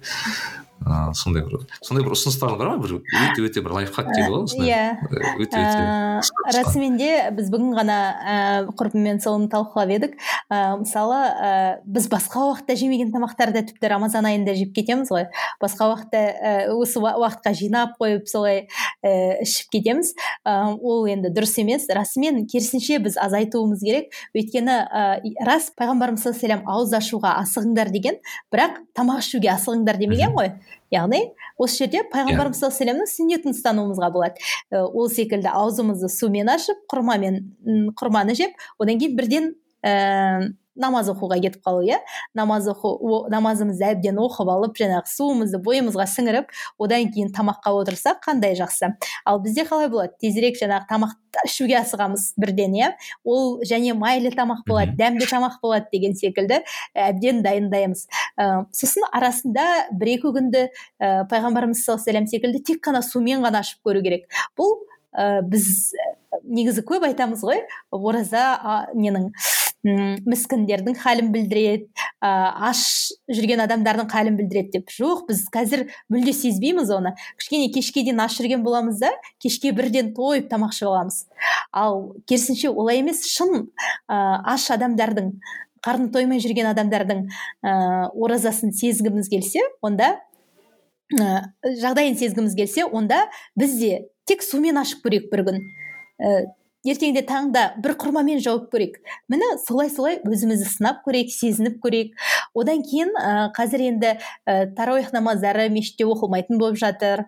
Түрлі ә, енді сәл енді мұсылмандар үшін бір жағынан андай көңіл түсерлік жағдай бірақ біз мұсылман болғаннан кейін әрине әр істен хайыр іздейміз иә сол себепті бұл иә. істен де бір хайыр көріп ә, керісінше ә, кешке бірден намазымызды оқып болғаннан кейін бірден ұйықтауға жатып одан кейін таң намазының алдында ертерек оянып тахаджуд намазымызды оқып ә, одан кейін ә, құранымызды иә сәресімізді ішіп алғаннан кейін құранымызды таңғы зікірлерімізді дұха намазымызды оқып одан кейін ә, егер демалу қажет түсінсек демалып болмаса түстен кейін ә, пайғамбарымыз саллаллаху сүннет ұйқысымен бір ұйықтап алып міне соның барлығын ә, атқарсақ алла қаласа ә, оразаны жеңіл ә, яғни жеңіл дегенде қалай? Былай ағзамызға жеңіл сонымен қатар нәпсімізге ауыр тиетіндей жаңағы бүкіл құлшылығымызды орындап әм, бір жақсы күйде өткіземіз деп ойлаймын да. Алла нәсіп етсе. Мхм. Иә бұл ораза шын айтқанда ерекше болайын деп тұр. Осы жағдайларға байланысты. Ал тарауих намазын да үйде оқи беруге болады дейсіз ғой да? Иә енді әйелдерге қатысты әртүрлі айтылады енді бұл жерде. Ә, нені егер жамағат болса бұл жамағатпен оқылатын намаз болғаннан кейін жамағатпен оқыған дұрыс дейді немесе нәпіл намаздар оқыған дұрыс дейді. Енді бұл жағын кішкене ұстаздардан анықтап алу керек секілді. Иә иә бұл әрине өте зерттеуді қажет ететін сұрақ нарик билай ал енді біз кітап туралы сөйлессек ә, марфуға ханым сіз енді кітап туралы көп жазасыз. Есімде болса вконтакте желісінде кітап және саяхат деген бір группаңыз бар еді. Өзім жиі оқитынмын соны.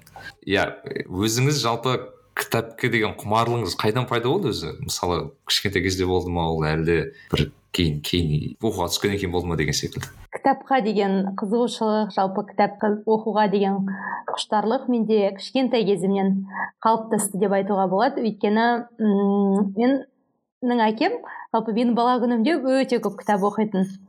Ә, енді ол кезде қазір қазіргідей алаңдататын дүниелер жоқ. Негізінен адамдардың ә, ермегі кітап болған сияқты. Ә, содан ба жалпы өзінің де қызығушылығы бар.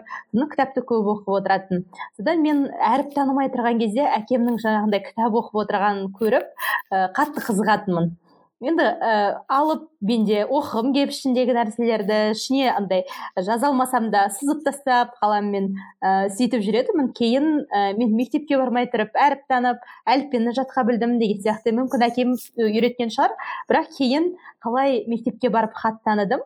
Ә, солай ә, бірден балдырған журналына жазылдым. Сонда балдырған журналын ә, бір ай бойы күтетін ол айына бір рет шығады ғой. Содан бірінші сыныпта солай ә, почтаға барып ә, күтіп алатынмын.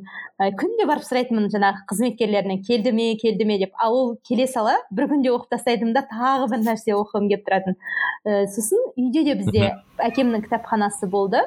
Ә, солардың ішінен ә, кітап сұрай беретін болуым керек. Енді мүмкін ертегілерден бастаған шығармын ә, одан кейін қолыма қандай кітап түседі сондай кітаптарды оқи бердім. Қазір ойлап қарасам үлкен үлкен романдарды сол бастауыш мектепте ә, оқығам. Мысалы ана мың бір түн хикаяларын былай қарасам ол бала оқитын кітап емес мен оны үшінші сыныпта оқыдым. Ал ол ә, енді іші ертегіге ұқсайды ғой. Шамасы соған қарап yeah, иә, yeah. Иә. әкем де бір не андай сұрай бергеннен кейін ба онша м тежемеген секілді. Ә, солай солай ә, жалпы кітап оқуға деген қызығушылық қалыптасты. Одан кейін менің ә, апам бізде апа дейді әжені. Ә, апамның да ә, бұл бұған қосқан үлесі өте зор. Өйткені м кішкентайымнан апама оқып беруді әдетке айналдырдым. Ә, енді апам екеуміз қысқы уақыттарда әсіресе пештің түбінде ауылда отырып бір ә, андай ә, қыстың ұзақ түндерінде деп айтады ғой. Сол кездері кітап оқитынбыз yeah. апам тыңдап отырады көбіне батырлар жырын оқитынмын ақсауыт деген сол кездері бір шыққан кітаптар болатын үйде. Соларды оқитынмын. Одан кейін есімде алтыншы сыныпқа көшкен кезде біз абай жолын оқуды бастадық. Сонда ә, абай жолын ә, сол бір қыста апам екеуміз сол пештің түбінде отырып бітірдік. Біздің әлі есімде кәдімгідей апам екеуміз соңында жылап абай қайтыс болған кезде. иә содан кейінге дейін апам абай туралы бір андай ерекше ықыласпен айтып жүрді. Үлкен кісі ғой ондай. Сонда ол кісінің былайша айтқанда бүкіл абай жолын өзі оқып шыққан секілді болды сол менің оқып шығуымның арқасында. Сонымен және бір апамен оқығанның тағы бір пайдасы енді қазір ойлап жатырмын ғой. Ә, апам м мен түсінбейтін сөздерді маған айтып отырады. Мен енді кішкентаймын көп сөздерді түсінбеймін. Содан оқып оқып келе жатамын да бір түсінбейтін сөз болса мысалы қазақтың ескі сөздері немесе басқа сөздер апамнан сұраймын апа ол не? деп апам түсіндіріп береді ары қарай кетеміз. Сөйтіп ә, кітап оқу дағдысы менде солай қалыптасқан екен. Одан кейін кейін ә, мектепте де мм сабақ үстінде кітап оқитын болдым. Кітапқа деген бір андай құмарлық өте қатты болды. Ә, басқа сабақтардың үстінде мысалы өзімді қызықтырмайтын бір сабақтардың үстінде кітап оқып талай ұсталғаным бар. Одан кейін әм, бізде мектепке баратын жол мен өзі алматы облысы сарқан қаласында мектеп бітірдім. Сол кезде біздің үйімізден мектепке баратын жол ә, ұзақ болатын. Яғни екі шақырымдай жер. Жаяу барып жаяу қайтатынбыз қазір автобус жүреді ол аралықта а бұрын автобус жүрмейтін біз оқыған кездері. Сол кезде жаяу барып жаяу қайтқан кезде мен жүріп келе жатып оқитынмын кітапты. Ә, яғни барғанша оқып барамын қайтқанша оқып барамын. Ыыы содан сіңлім. Иә. әлі күнге дейін айтады ғой сенімен мектепке барсам бір ауыз сөйлеспейтінсің менімен өзіңмен өзің кітабыңды оқып барасың кітабыңды оқып қайтасың деп сондай қатты кітапқа құштар болдым одан кейін ә, кейін өсе келе мына сегізінші сыныпқа қарай өткен кезде апама оқып беруді азайта бастадым өйткені ә, ана жылдам оқу дағдысы қалыптасты ма екен көзім тез оқып қоя береді да ә, неме тіліме ілеспей қала беретін болды яғни дауыстап оқығанша yeah, иә, yeah. Иә. ана көзіммен ана жақта оқып қоямын да қызық қызықтырып бара жатыр ғой содан кейін ә, апамның кейде қолы тимей қалады кейде бірдеңелер істеп жүріп қалады. Сол кезде өзім бітіріп тастай беретін болдым. Сөйтіп сөйтіп ә, кейін апам ренжитін болды. Сен маған кітап оқымай кеттің бұрынғыдай емес деген секілді. Бірақ сол ә, осы кітап оқу дағдымды қалыптастырған осы екі адамға алғыс айтсам оның бірі жаңағы әкем ә, яғни ол маған үндемей үлгі болды да былайша айтқанда не өзі оқу арқылы. А екіншісі апам. Ол маған бүкіл сөзін түсіндірді ә, баулыды екеуміз кәдімгідей. Үнемі біргеміз ғой енді апам мен апамның бауырында өскеннен кейін. Ә, сосын ә, кітап оқу дағдымды сол кісіде қалыптастырды деген ойдамын түнгі бір екіге дейін кітап оқитынбыз. Ертеңде сабаққа барамын ерте тұру керек десе де сол қызығына кіріп кетеміз. Сөйтіп сөйтіп ә, мектепті бітірген кезде біздің үйдегі кітапханада да орта недегі мектептің аудандық кітапхананың да біраз кітаптарын оқыдым. Ыыы солай енді қалыптасты. Одан кейін қазір ғой енді кішкене. Бұрынғыдай оқым, оқымайсың да бәрібір уже. Алаңдататын дүниелер көп қазір. Саябырлап қалды бәрібір. Қол тимейді дейсіз ғой кейде. Иә. Қол тимеген де әлеуметтік желі бар басқа бар. Енді кішкене адамның назарын ыыы өзіне аударатын дүниелер көбейіп кетті. Сонымен ыыы бұрынғыдай емес бәрібір. Мен бұл жерде сұрақ қойғым келеді да. Мынандай бір сұрақ бар еді енді қазір жас балалар ну бағана сіз айтпақшы не әлеуметтік желілер бар а, басқа басқа дүниелер бар. Жа, жас буын ол кітапқа деген құмарлығы жоқ та қанша дегенмен иә. Ол тек жас буында ғана емес енді сіз де айтып отырсыз өзіңізде қолыңыз тимейді деп мысалы қазір. Иә. Жалпы баланы қалай баулуға болады деп ойлайсыз? Мысалы сіздің де қызыңыз бар мысалы өзіңіз қалай бір жоспарыңызда бар шығар енді. Үйретпесе де үлгі, үлгі болу деген секілді. Бір жолы бар ма мысалы сіздің ойыңызша? Баланы былай кітапқа енді мен жаңағындай өз немнен айтар болсам ең алдымен ата ана өзі оқу керек. Өйткені ә, мен қазір де байқаймын қызымнан мысалы тоғыз айлық ә, біз телефон ұстап отырсақ телефонға ұмтылады. Өйткені ә, ата ананың назары не, қай нәрседе балаға, балаға да сол қызық. Егер ата ананың назары кітапта болса онда ол бала да кітапқа ұмтылар еді деп ойлаймын. Ә, мысалы мен өзім әкемді айттым ғой жаңа мысалға келтіріп. Ол кісінің назары кітапта болды ол нәрсе мені де қызықтырды. Ә, бір сол бір кезең менің балалық шағымдағы бір кезең. Әкемнің ең көп кітап оқыған кезеңі қазір ойлап қарасақ. Сол кезде ә, мысалы біздегі отбасындағы өзге балалар ә, айтады мен онша есіме түсіре алмай тұрмын әкемнің кітап оқыған кезін басқа деп айт, айтады да. Ал бірақ менің көз алдымда сол картина болды. Одан кейін ә, мені де соған ә, қалай қызықтырды. Ә, сол себепті ең алдымен ата ананың өзі оқуы керек баланың көзінше деп ойлаймын. Одан кейін ана бір оқиғаны айтады ғой бір қызық ә, осы данияр жігітбек өзінің кітабында иә бір кісі баламды қалай үйретсем? деп ә, кеңес сұрап келген кезде оған жаңағы кеңес берген кісі айтады кітапқа қарап отыр ең болмағанда өзің оқи алмасаң да деп. Содан ана кісі күнде yeah, кешке yeah. қарап отырып отырып бір күні қалай өзі қызығып оқып кеткенін білмей қалады. Міне сол секілді адамның өзі ең болмаса қинап болса да өзін мысалы өзі кітап оқуға дағдыланбаған адамдар болады ғой. Бір уақыт кешкі уақытта ма екен бір жарты сағат па ә, кітап оқуға арнаса баласы оны көрсе кітапқа дағдыланар еді деп ойлаймын. Одан кейінгі екінші мәселе міндетті түрде бала кішкене түсіне бастағаннан бастап ә, бір тыңдауға жақын бола бастағаннан мүмкін бір жас мүмкін ә, сол кезден бастап балаға кітап оқып беру керек шығар. Ертегі жасына сай кітаптарды атан ана өзі оқып берсе қызықтырса баланы былайша айтқанда. Күнде кешке бір әдетке айналу керек секілді ол. Одан кейін ұм, сәл өсе бастаған кезде яғни төрт бес жасқа келген кезде кітап дүкендеріне алып барса жалпы кітап көп оқылатын жерлерге кітапханаларға алып барса бала кішкентайынан сол нәрсені көріп өссе оның да қызығушылығы артады деп ойлаймын. Одан ары қарай енді әріп танығаннан бастап баланы ынталандыру керек шығар мүмкін. Бірдеңе алып беремін деп алғашқы кезде негізі адам кітапқа қызығушылығына бір түсіп кеткенше сондай бір ынталандырулар керек сияқты оның айыбы жоқ секілді меніңше. Ә, бірдеңе алып беруге немесе бірдеңесін жасап беруге қолы жетпей жүрген бір қызығып жүрген дүниесін әперуге деген сияқты ақырын ақырын ынталандырса сосын баланың қызығушылығын ата ана дөп байқап отырса қандай ә, неге қызығады? тақырыпқа қызығады. Мысалы бір балалар ә, ғарыш тақырыбына қызығады иә? Ә, бір балалар мүлде басқа салаға қызығуы мүмкін. Сол қызығушылығын байқап сол қызығушылығына сай кітаптар әперіп отырса. Мм мен өзімнің жиендерім болды. Сол жиендеріме барынша кітап оқуға солай ә, әсер етуге барынша тырыстым. Сонда бір жиенім ә, психологияға қызығатын өзі ә, ұл бала бірақ сол кішкентай болғанына қарамастан психологияға қызығатын сол бағытта кітаптар оқығысы келетін. Оған мен мүмкіндігінше сондай бағыттағы кітаптар алып беруге тырысып ә, барынша ақыл кеңестерімді айтып сөйтіп жүрдім. Ол енді алып оқуға тырысты енді. Кереметтей кітап оқып кетпесе де ақырын ақырын негіз сосын футболға қызығатын футболға байланысты біздің сәкен сыбанбайдың кітабын алып бердім деген сияқты. Солай солай барынша оның да кітап оқуына үлес қосуға тырыстым. Одан кейін менің сіңілім өзі медицинада бітіріп жатыр биыл.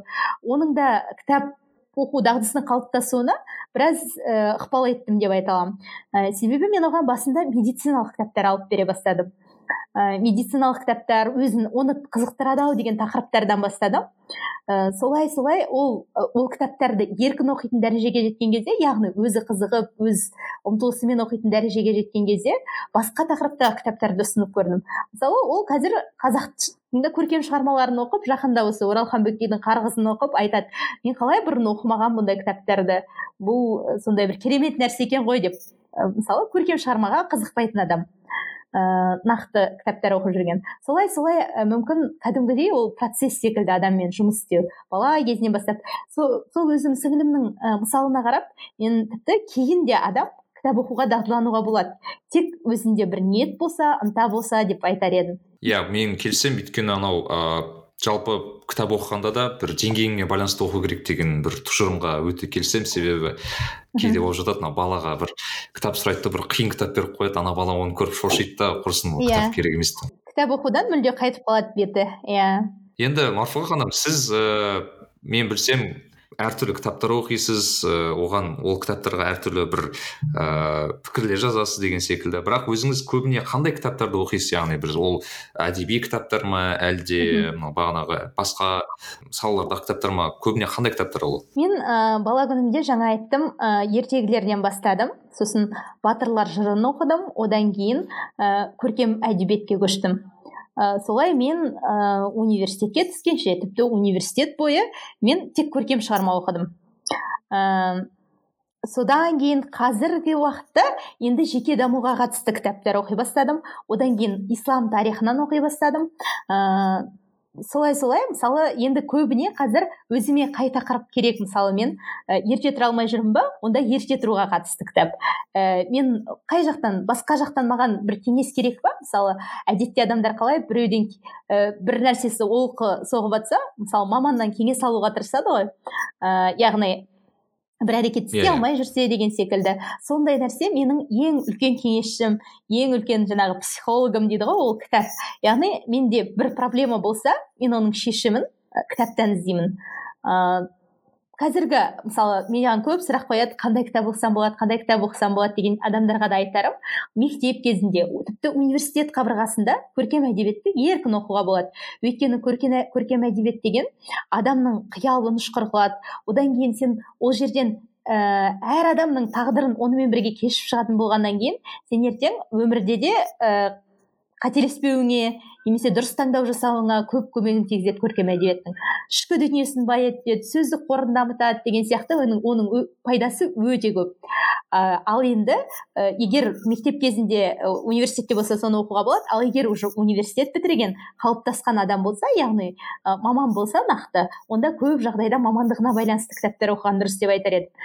Яғни дәрігер ма? Дәрігерлікке қатысты. Өйткені қазір уақыт өте аз адамдарда уақыт жоқ.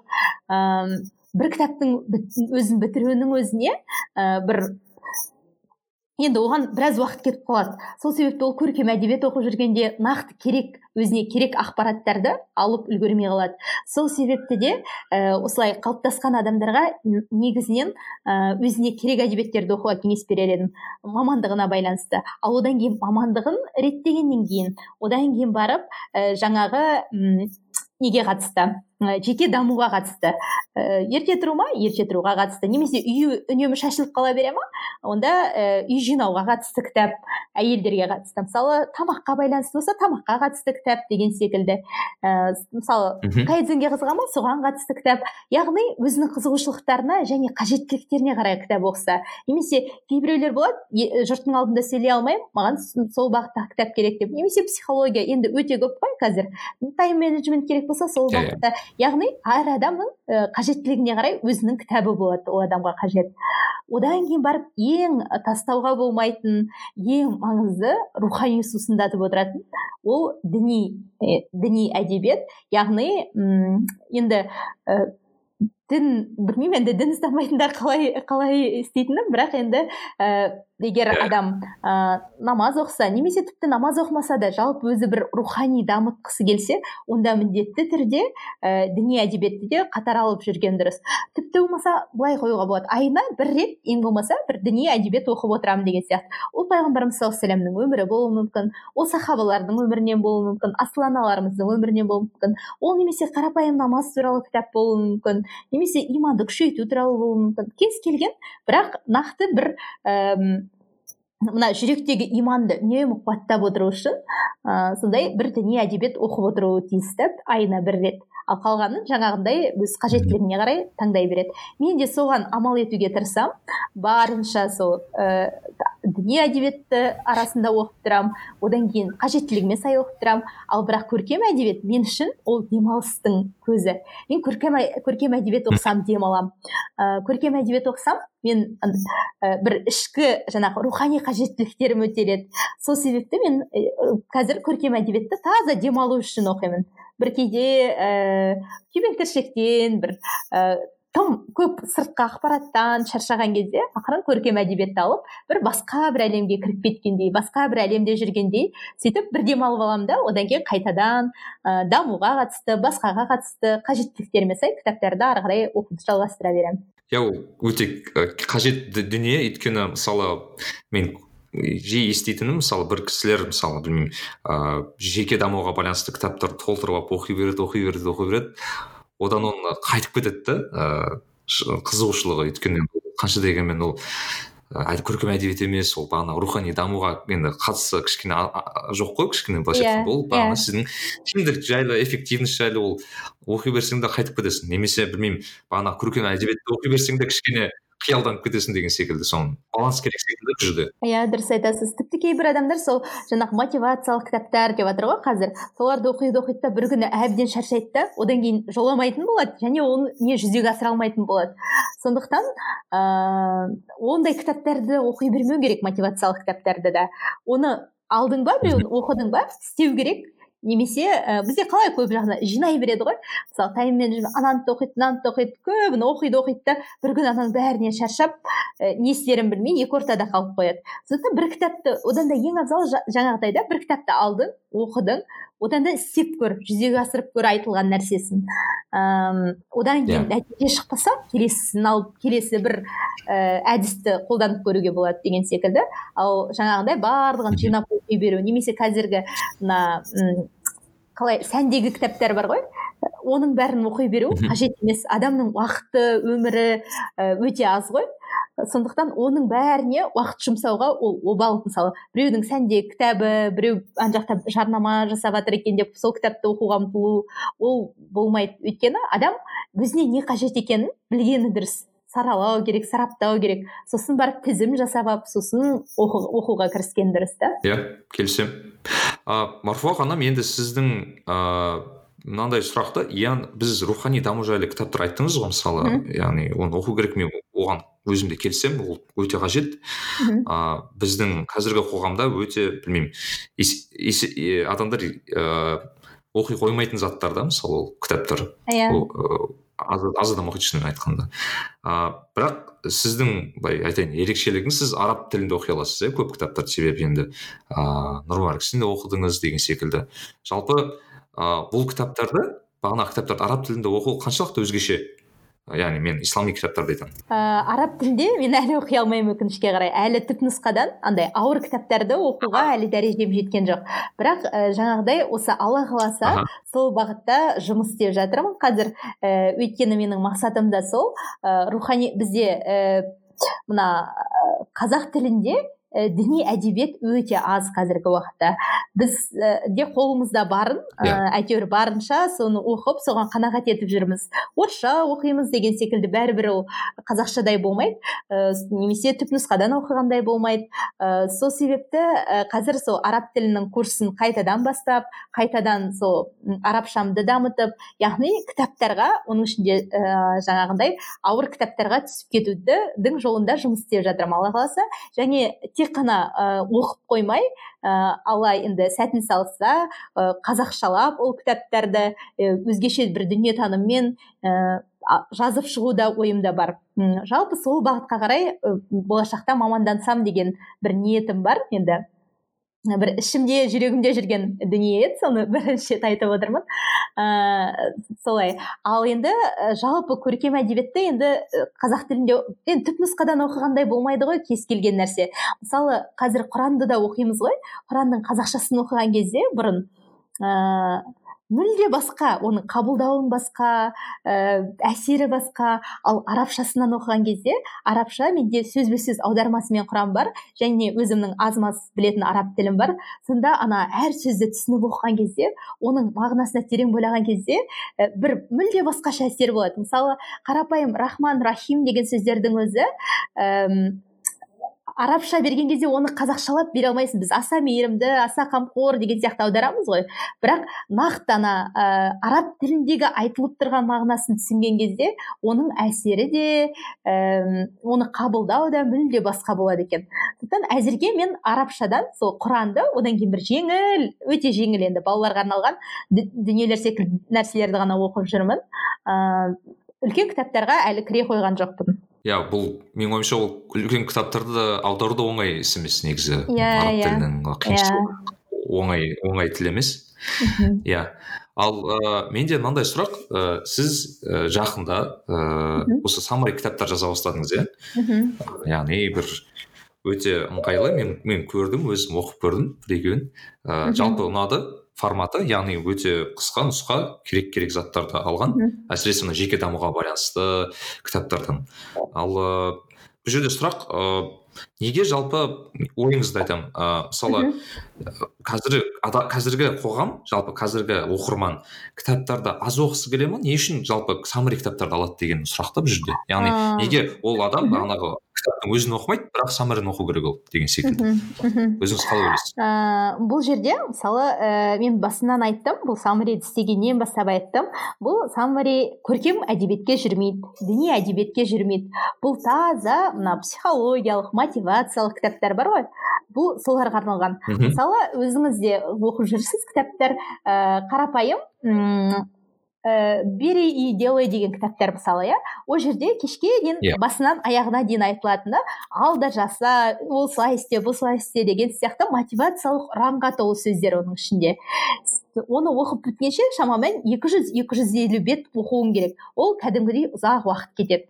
Сол себепті де ә, менің мақсатым солай болды. Адамдардың қазір уақыты жоқ көбіне.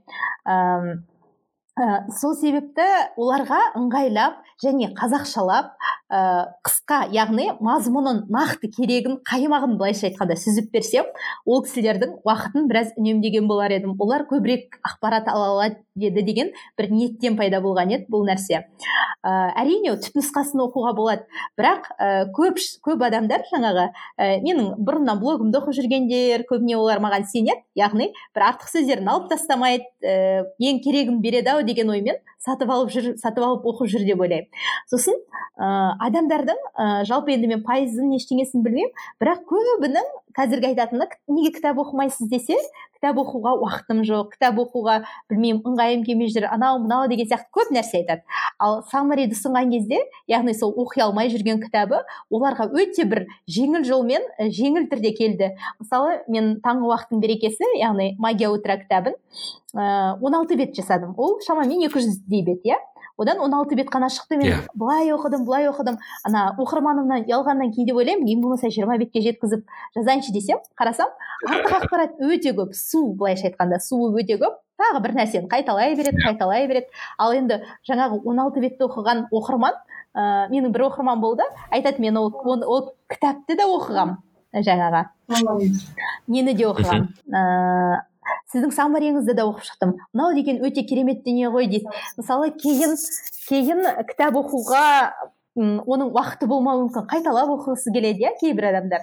Ал мына саммариді қайталап оқи Иә. салуға да өте қолайлы. Бұл бір конспект сияқты дүние ғой конспект сияқты. Яғни кез келген уақытта қайталап оқиды кез келген және көп уақыт кетпейді. Бір отырғанда бір жарты сағаттың айналасында оқып шыға салады. Жарты сағаттың ішінде бір кітап оқығандай ақпарат алады деген секілді. Сол себепті де адамдардың қазір уақытының аздығына байланысты саммариға қызығушылық өте жоғары болып тұр деп ойлаймын. Ыыы қазір де сұраныс жоғары. Сосын ана кітапты жасаңызшы мына кітапты жасаңызшы деп ұсынып та жатады. Бірақ енді әзірге оған физикалық тұрғыда бір шамамыз келмей жатыр және бір жолға әзір қойған жоқпыз бұйыртса бірақ алда ойда бар бір і, ретке келтіру біздің қазақ оқырмандарына сондай і, маңызды ақпаратты і, қысқа нұсқа ықшамдап беру. Иә бұл өте керемет дүние. Негізі өйткені қазіргі мынау кітап оқу ы, индустриясын айтайық.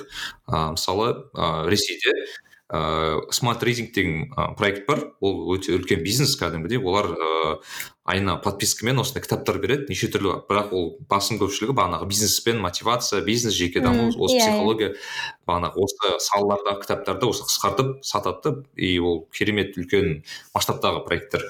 Иә бұл қазақстанға енді сіз менің ой- менің ойымша сіз бірінші ойын осы саммари кітаптар жаза бастаған. Өйткені оған дейін қазақша саммари кітаптар көрмеппін қазақ тілінде. Енді иә бұл жерде мен өзім андай қатты бір ағылшын тілінде меңгермеген адаммын ғой. Ондай қатты тілге ы, икемім жоқ деп айтамын үнемі. Соған ә, менің жолдасым ә, осы саммари жасау идеясын негізі сол кісі берді. Ол сол ағылшын тілді жаңағы орыс тілді сайттарды қарап ы, көріп жүреді. Сосын ы, айтты осындай көп кітап оқитыныма қарап неге солай жасамасқа біздің қазақ оқырмандарына ұсынбасқа деп. Мен кішкене қорқақтадым. Ой адамдар қалай қабылдайды? Одан да кітаптан оқи салған жақсы емес пе? Жаңағыдай деп өзімнің бұрынғы классикалық көзқарасыммен біраз артқа тартып ә, негізі қолға алмай жүрдім. Сосын бір күні ә, инстаграмға отырып осылай жазып көрейінші сіздер оқыр ма едіңіздер деп бір ой тастап көріп едім адамдардың барлығы айтты иә оқитын едік оқитын едік дегеннен кейін ә, бір ә, расымен істеуге деген ниет пайда болып біреуін істеп көріп едік. Расымен өте жақсы сұранысқа ие болды. Ә, соған қарап енді алла қаласа үлкен қылып дамыту бір ә, енді болашақтың еншісінде шығар бұйыртса. Сіздің жаңағыдай қолдауыңызды естігеннен кейін тіпті қуанып жатырмын. Осылай жақсы деп. Иә бұл өте қажет. Мхм. Алла тағала берекесін берсін. Құдай иә. Марфуға ханым енді мен ә, сіздің ә, мына бағанағы блогыңызда өте көп ә, саяхат туралы оқимын мхм. Байқаймын видеоларыңызды да көрдім. Бірақ байқасам ол саяхаттар көбіне ыыы айтайық мынау ә, неге байланысты? Қазақстанның ішкі туризміне байланысты. Немесе мына жақын мысалы есімде болса ташкент туралы көрсеттіңіз кейін қазақстанның неше түрлі ұлытау болсын басқа қалалар болсын ыыы ұлытау жақ болсын ол әйтеуір бір ііі білмеймін мен өзім бара бермейтін жерлерді көремін арасында. Шын айтайын маған ұят айтуға енді бірақ мен қазақстанның көп жерін иә мен қазақстанның көп жерлерін болмадым. Яғни білмеймін ол мүмкін қазақстанның ішкі туризмі дамымағаннан шығар. Ііі әлде білмеймін. Бірақ сіз осы жиі жасайсыз. Жалпы м саяхатты саяхатқа былай қалай келдіңіз десем болады бұл жерге? Бірінші саяхатыңыз туралы айтсаңыз немесе осы білмеймін бір қалай ә, бастап кетті бұл? Ең алдымен қазақ қазақ жеріне қазақтың ә, тарихына қызығу жаңағы кітап оқудан бастап алған шығар деп ойлаймын. Өйткені ә, қазақтың әртүрлі жақтағы жазушыларын оқығаннан кейін әртүрлі ә, бағыттағы тарихына қатысты кітаптарын оқығаннан кейін менде сол жерлерді көрсем сол жерлерді өзім жүріп араласам деген секілді дүниелер пайда болды. Ең алғаш әрине оның барлығы студенттік кезде басталды. Студенттік кезде ә, бірге тұратын құрбыммен ақтөбеге барып келдім ә, ақтөбені көріп одан кейін қазақтың тарихына қатысты дүниелерді мені қызықтыратын болғаннан кейін міндетті түрде музейлерін аралаймын мен сол жердің мысалы ақтөбеге барған кезде ә, ақтөбеден қанша шақырым екен? Біраз алыс жердегі әлия молдағұлованың музейіне бардық дегенде. Ә, жалпы қалада қызықты дүниелерді араладық. Одан кейін кейін екінші барған жерім ол шымкент болды. Онда да негізінен қаланы аралау. Қаланы бірінші рет барып тұрғаннан кейін солай басталды ақырын ақырын. Одан кейін менде өзімнің сүйікті жазушыларым ақындарымның туған жерін көру олар жазған сипаттаған жерлерді көзімен көру деген бір мақсат болды. Сол сол мақсатпен ә, мысалы былтыр мына шығыс қазақстан облысындағы қатонқарағайға бардым. Оралхан бөкейдің туған жері. Ол жерде маған өте қатты әсер етті оны көрген кезде бүкіл оралхан бөкейдің жазған дүниесінің барлығы ә, жаңағы табиғатты суреттегені ана мұзтаудың бірде көрініп қалатыны бірде көрінбей ол сондай тәкаппар шың екені ә, андай әдемілеп суреттейді ғой кітабында соның барлығы менің көз алдымнан yeah. Иә. қайта жүріп өткендей болды күнде мұзтауды көрсем деген бір арманмен таңертең оянамыз ана неде қатонқарағайда сөйтіп мұзтауға қарасақ ол мұзтау көрінбейді содан ә, жаңағы жазушының несінде жазғандай ол бір сирек адамдарға көрінеді деген секілді бір сондай нелері бар өзінің. Ә, сөйтіп сол әсердің бәрін былайша айтқанда қайтадан басынан өткеріп одан кейін оның кітабында жазған кейіпкерлерімен арнайы барып танысып сол ауылда тұрып жатқан қарапайым ғана тіршілік иелерімен сөйлескен кезде мен кәдімгідей рухани байып рухани ләззат аламын. Бұл нәрсені мысалы оған ақша жұмсайсың иә уақыт жұмсайсың саяхатқа. Бірақ оның алатын ләззаты ол басқа еш нәрсемен айырбастауға келмейді. Жаңағыдан қайтқаннан кейінгі әсер ол мүмкін тіпті бір жылға одан да көп уақытқа созылуы мүмкін есте кереметтей қалады. Одан кейін жалпы ә, алғаш ә, қай жаққа? Ә, шетелге м шетелге шыққан кезде біз негізінен алғаш мен европаға еуропа елдеріне бардым қателеспесем. Мысалы ә, польшада болдық сол кездері германияның дрезден қаласында болдық одан кейін чехиядан прагаға бардық деген сияқты. Бірақ неге екенін мен қанша солардың барлығын аралаған кезде маған бір айтарлықтай әсер берген жоқ оның барлығы.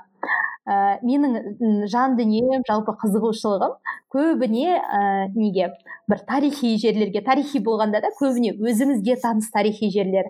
Одан кейін ә, андай дамып кеткен өркениетті елдерден көрі көбіне артта қалған сондайға өзім қызығады екенмін. Артта қалғанда да бір бір сондай бір бұрынғы ескі дүниелерді сақтап қалған дей ма бір сондай нәрселерге көбірек қызығады екенмін. Одан кейін ә, сол еуропа сапарынан кейін мен ә, ол кезде енді инстаграм басқа фейсбук онша дамымаған кезде мен онша сала қойған жоқпын оны одан кейін менде айтарлықтай да әсер қалдырған жоқ мүмкін музейлер енді керемет әсер етті. Әрине дрезден деген музей маған қатты әсер етті бірақ бәрібір де ә, бір мен күткендей мен алғым келгендей дүние ол сондай бір ләззаттанған жоқпын. Одан кейін ә, кейін ә, неге қайтып келгеннен кейін астанаға барғаннан кейін мен моңғолияға бару туралы ой кете бастады. Ол моңғолияны көрсем деп ойладым. Олар әлі бұрынғы көшпенді ә, тұрмыс тіршілік етіп жатыр екен.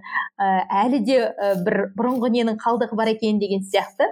Сосын моңғолияға барып көрдім. Расымен де моңғолия моңғолияда мен бір айға жуық уақыт жүрдім. Ә, енді кәдімгідей ә, аралап шықтық баржан тәлімден анау ұлан батырға дейін онда да автобуспен ескі. Соның бәрімен бардық. Бірақ ол жақта қанша шаршасам да қанша жүріп ә, былайша айтқанда жағдай жоқ қой онда. Мысалы қонақ үйлер де өте ескі интернет мүлде дұрыс істемейді ә, жаңағы қарым қатынас құралдары да енді қиындау. Бірақ соған қарамастан маған ә, күшті әсер етті. Оның барлығы енді сол оқып тоқығаныма қабылдағаныма байланысты дүниелер деп ойлаймын. Мен мысалы соларды жалпы көшпенді халықтың тарихын көп оқыдым. Ыыы өткеннің тарихын көп оқығаннан кейін сондай бағыттағы елдерге қызығады екенмін. Өзбекстанға барған кезде де менің мақсатым ол жақтағы ә, ислам мәдениетінің ә, көрінсін. Бір кезіндегі орта азияның орталығы болып тұрды ғой орта азиядағы. Сонда мысалы имам бұхаридің ә, басына yeah. арнайы бардым. Ол маған өте керемет әсер сыйлады немесе әмір темірдің тарихы. Олардың тарихын біліп тұрғаннан кейін бе екен сондай жақсы әсер етті. Одан кейін кейінгі ә, мына неге бардым дедім ғой ясная полянаға. Ә, толстойдың. Ә, мысалы көбінесе байқасам мына тарихын біліп тұрған дүниелер маған жақынырақ. Ә, ал өткен жылы сол ұлытау өңірі оның ішінде ә, жошы алашахан кесенелері одан кейін қаныш сәтбаевтың музейі сол жақтағы ә, солардың барлығын аралап шықтым. Мен музей аралағанды өте қатты жақсы көремін. Ә, содан елдегі барлық музейлерді аралап шықсам барлық көрнекті жерлерді көріп шықсам ә, мысалы сыртқа жүгіре бермей бірінші өзіміздікін көрсетсек ә, бірінші халықты өзіміздікін көруге шақырсақ соны бағалауға шақырсақ дегенде ниетпен ә, алла қаласа осы басқа да қазақстанның әлі өзім көрмеген жерлерінде осы аралап шығу бір ойымызда бар. Мақсат қылып қойып қойдық. Мысалы ең болмағанда жылына бір жерге бару бір өңірге яғни мысалы бір облыстың ең ең деген жерлерін аралап шығу. Мысалы өткен жылы сол ұлытау өңірі болса оның алдыңғы жылы қарағанды облысындағы анау қарқаралы шайтанкөл деген көлдер иә? Бассейн көлдері солардың барлығын көзімізбен көріп келдік. Оның оның алдында маңғыстау өлкесін аралап келдік дегендей. Ә, солай енді маған алла қаласа бір қостанай облысына барған жоқпын. Ә, солтүстік қазақстан облыстарында әлі бар, бара қоймаған жерлер бар. Сосын қазақстанның қорықтарын да аралап шыққым келеді түгелін көріп шыққым келеді. Жалпы ә, бірінші кезекте сол өзімізді таныссақ өзіміздің жерімізді көрсек одан кейін алла қаласа алла нәсіп етіп жатса ары қарай әлемді де аралаймыз ау деген бір ә, ниетіміз бар енді. Иә керемет. Марфуға ханым мынандай бір сұрақ та ә, жалпы қазір ә, енді қазекеңді саяхатқа тарту оңай емес. Мен білмеймін өз yeah, иә, иә. туысқан достарым тіпті білмеймін жақындарымды айтсам бір жаққа барайық десем қойшы одан да бұл ақшаны басқашалай жаратайық деген секілді айтады да. Жалпы yeah, ойлайсыз ба? ойыңыз бар ма жалпы? Қалай шешуге болады? жалпы қалай адамдардың осылай саяхаттауға ынталандыруға болады деген секілді. Ә, енді оған алғашқы қадамды жасап та қойдым деп ойлаймын яғни ол көбірек насихаттау саяхатты көбірек жазу бізде көрнекті жерлер бар екенін көрсету. Мысалы ә, менің фейсбукта сол өзбекстан туралы жазған кезде көп адам ә, жазды негізі. Бізде барамыз барамыз деп. Кейін артынан көп адам белгіледі мені. Біз сол сіздің көрсеткен жолыңызбен жүріп өттік яғни маршрут сызылған иә? Сосын ананы көрдік сіздің айтуыңызбен мынаны көрдік. Немесе қазақстанның осындай жерін көрдім осындай жері бар екен деген секілді көп айтады. Ол үшін ә, біздің қазіргі енді блогерлер журналистердің басты мақсаты ол ақпарат беру шығар. Ақпарат беру ынталандыру ол жердің кереметтігін көрсету ә, жалпы саяхаттың дүниетанымды өзгертетіні туралы айта беру қызықтыра беру ә, солай солай ақырын ақырын халықта да бір қызығушылық оянады деп ойлаймын. Мысалы менің динара болат құрбым бар. Ол кәдімгі саяхатшы кәсіби ә, қаншама елдерді аралаған. Сол ә, кейін авторлық турлар ұйымдастыра бастады. Ә, авторлық турлар неге әртүрлі жақтарға ұйымдастыра бастады. Сол кезде ол басында алғашында жазған кезде ә, ондай шіркін сіз секілді барсам ғой деп армандап аузың суы құрып жазып отыратындар ғана болатын. Бірақ ақша жоқ бірақ жағдай жоқ бірақ бірдеңе деп. Бірақ динара ақырын ақырын өзінің оқырмандарын дайындады. Ақшаны қалай табуға болады немесе бұл киім маңызды емес иә? Қымбат кию міндетті емес адамға. Ә, немесе мына нәрседен ә, үнемдеуге болады ақшаны. Ол нәрсеге құртпай мына нәрсеге ә, керісінше мынаған жұмсаңыздар деген секілді бір өзі ә, нұсқаулықтар көрсетті. Ә, яғни қымбат шуба кию міндет емес. Бізде қалай жарыс қой бір бірімен киімде жарыс жарыс болуы мүмкін дүниеде жарыс болуы мүмкін. Ал бірақ адамдарға сондай нәрсені айтып ол нәрсенің құндылығы ондай ә, маңызды емес құнды емес деген нәрсені көрсеткен кезде адам ақырын шынымен құндылықтардың орны ауысады екен. Ә, бір көзқарас та өзгереді екен. Сосын қазір енді сол динара ә, әр жаққа барған кезде торына қаншама қыздар жиналып жүр. Сонда олар алғаш рет шығып жатыр шетелге иә? Бірінші рет көріп жатыр. Одан кейін алған әсерлері де керемет кейін айтады біз неге бұрыннан шықпай жүргенбіз? Яғни болады екен ғой шығуға. Ә, жаңағы көруге болады екен деген секілді. Міне солай солай ақырын ақырын халықтың көзқарасын құндылығын өзгерте берсек алла қаласа ондай саяхатқа да шығушылар ә, жалпы бұл бағытқа қызығатындар да көбейе түседі деп ойлаймын. Біздегі туризмнің де дамымай тұрғаны сол шығар. Әлі халықтың өзі ондайға қатты дайын емес. Сол себептен де ол болашақтың еншісінде жаңағы динара секілді ә, мен секілді жаңа өркен секілді. Мысалы өркеннің видео нелері қандай керемет иә? Жапониядағы мен оның жапонияға сапарынан кейін ә, жапонияны көруге деген құштарлық менде бұрынғыдан да арта түсті. Менде мысалы бұрын басқа елдер тізімінде тұратын о анаған барсам мынаған барсам деген. Бірақ өркеннің ә, сториздері әсіресе сториздерін көргеннен кейін мен ойладым жоқ жапония бірінші кезекке шығу керек. Мына елді көрмесем болмайды деген секілді бір ә, сондай ниет пайда болды. Ә, сол секілді ә, блогерлер журналистер айта берсе көрсете берсе ақырын ақырын ә, адамдардың құндылығы өзгереді. Жалпы өзгеріп те жатыр деп ойлаймын. Ақырын жаңағы ә, саяхатқа шыға бастаған немесе біздің жаңағындай жазғанымызды көргеннен кейін а баруға болады екен көруге болады екен қолжетімді екен ақша жинауға болады екен жылына ең болмаса бір рет бір жаққа шығып келуге деген нәрсе адамдарда оянып ақырын ақырын әрекет етіп жатыр деп ойлаймын мен де өзім иә бұл әрине айтамын бағанағыдай біздің масс медиада ыыы өте жүргізілу керек бұл жұмыс әрине. Ал марфуға ханым сіздің сізге сұрақ ыыы жалпы енді қазақстанның біраз өңірінде болдыңыз. Бұл қай өңір? Сіздің ойыңызша ең айтады ғой мында ағылшын тілінде underrated дейді ә, бағаланбаған өңір деп ойлайсыз өзіңіз. Қай қай өңірді адам көру керек бірақ адамдар қарамай жатыр деп бір жері бар ма мысалы өзіңіздің ойыңызша? Мен андай бөліп жарып айта алмаймын дей ма? Ренжіткім келмейді ешкімді бір өйткені біздің қазақстанның жері андай әрқайсысы әр жағы әртүрлі сонысымен де керемет мысалы ә, мен маңғыстауға барған кезде қатты таң қалдым маңғыстау біз ана интернеттен немесе бір теледидардан көріп жүрген марстың суреттері бар ғой. Сол секілді ғой. Ол жаққа барған кезде иә құм шағылу бір өздері де тарихтарын айтады ғой. Бұл каспий нетіп жаңағы тартылып кеткен. Сол себепті бұл теңіздің бәленбай уақыт ненің теңіздің асты деп те айтады да бұл ә, сондай жер деп. Енді ол жақ өте керемет. Мысалы біз ә, шерқалада болдық. Ә, маңғыстаудың жаңағы өзіміз неден географиядан оқыған қарақия ойпатын көрдік. Одан кейін ә, ана шар секілді нелер ә, үлкен үлкен тастар бар ғой. Ондай ешқай жақта жоқ. Анау бір керемет. Енді ол сол жерде бекет ата болсын ол жақтағы. Енді мысалы былай ойлап қарасаң ол жерден не су шықпайды не ештеңе өсіп шықпайды жеміс жидек. Бірақ анадай керемет та ол жерге барған кезде ғашық болмау ол жерді көрген кезде бір сүйсінбеу мүмкін емес. Мысалы қарт каспий деп айтады өздері. Қарт каспийдің өзі қандай керемет иә? Біздің жалғыз ә, не санаулы арал теңізімен екеуі ғана ғой біздің.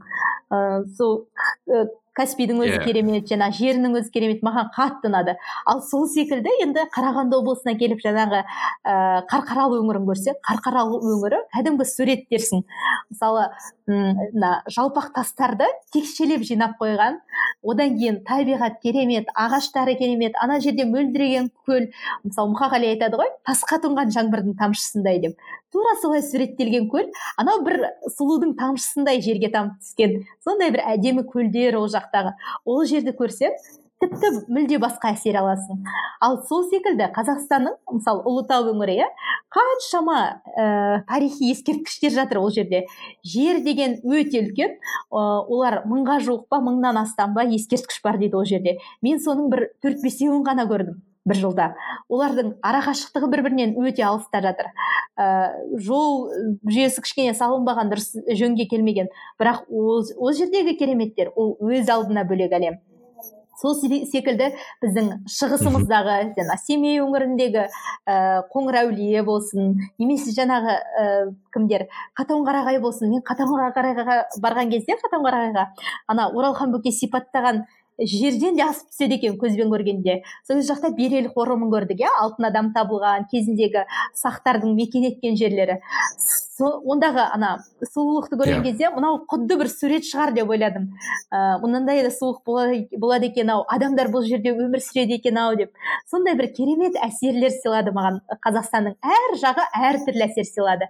Сондықтан ә, оның барлығын адам көзбен көру керек. Сосын көргеннен кейін барынша салыстырып қараса да бірінен бірінің асып түсетінін және бірінен бірінің мүлде басқаша айырмашылықта екенін ерекше екенін көресің. Мысалы жаңағындай ғой бір жерде су бар бір жерде су жоқ бірақ су жоқ болса да әдемі. Бір жерде су көп бірақ су көп болса да әдемі деген yeah. Иә. секілді. Сондай сондай енді керемет. Иә бұл жерлерді көру керек міндетті түрде. Иә yeah. білмеймін оқырман тыңдармандар осы мотивация алған шығар деп ойлап отырмын. Өзіме мотивация алып кеттім. Иә керемет. Марфуға ханым енді менің сұрағым бітті. Енді сізге өзіңізге мынандай ыыы тыңдармандарға өзіңіз сөз соңында қандай бір тілек кеңес айтар едіңіз өзіңіздің өзіңізден? білмеймін ондайда не айтарыңды да білмейді екенсің енді негізінен сол адамға білім алыңыздар деп айтар едім. Көбірек білім. Ә, ол діни болсын ол рухани болсын ә, ол нақты кәсіби болсын. Адам білім алған кезде көкжиегі кеңейеді көзқарасы өзгереді. Одан кейін екіншісі дүние өзімнің де жаңағы блогтарымда айтып жүрген нәрсем осы ғой жаңағы білім кітап оқуға шақыру адамдарды кітап оқуды насихаттау. Ә, одан кейінгі екіншісі ол әрине ә, саяхат. Көбірек саяхаттаңыздар. Ә, мысалы кейде адамдар болады расымен ә, андай ұзақ жерге баруы мүмкін. Бірақ кейде біздің мұрнымыздың астында да керемет жерлер болады бірақ біз оны білмейміз да. Біз оған бармағанбыз. Мысалы мен өзім алматы облысының қызымын ба? Алматы облысының ә, әлі мен көрмеген талай керемет жерлері бар. Кейде ұялып кетемін мысалы мен алтын емелде болдым. Бірақ ана ән айтатын айғайғымдар деп айтады ғой. Бархан деп иә. бархан айтады енді қазақшасы иә иә қазақшасы айғайғым. Ә, сол құмдарды әлі көрген жоқпын. Ә, немесе тура сол секілді біздің алматы облысында да көптеген керемет жерлер бар. Енді көлсай жаңағы шарын олар енді атақты ғой олардың бәрін көрдік. Бірақ сол секілді әлі де көрмеген жерлер бар. Мысалы бұрхан бұлақ деген бұлақ не бар? Сарқырама бар. Ол сарқырама орта азиядағы биік сарқырамалардың бірі екен. Ал оны мен ол біздің ә, сарханға мысалы мен ә, өскен жеріме өте жақын ә, жерде орналасқан мен әлі оны да көрген жоқпын. Ә, сол секілді дәл біздің мұрнымыздың астында өте күшті жерлер болуы мүмкін. Сондықтан ә, саяхат жасайын деген адамға көрсем деген адамға білсем деген адамға қазір кедергі жоқ. Маңайынан да сұлулық табуға болады көруге болады. Ә, сол себепті көбірек білім алыңыздар саяхаттаңыздар кітап оқыңыздар дегім келеді. Нарик билай кәсіби және рухани даму жайлы подкаст.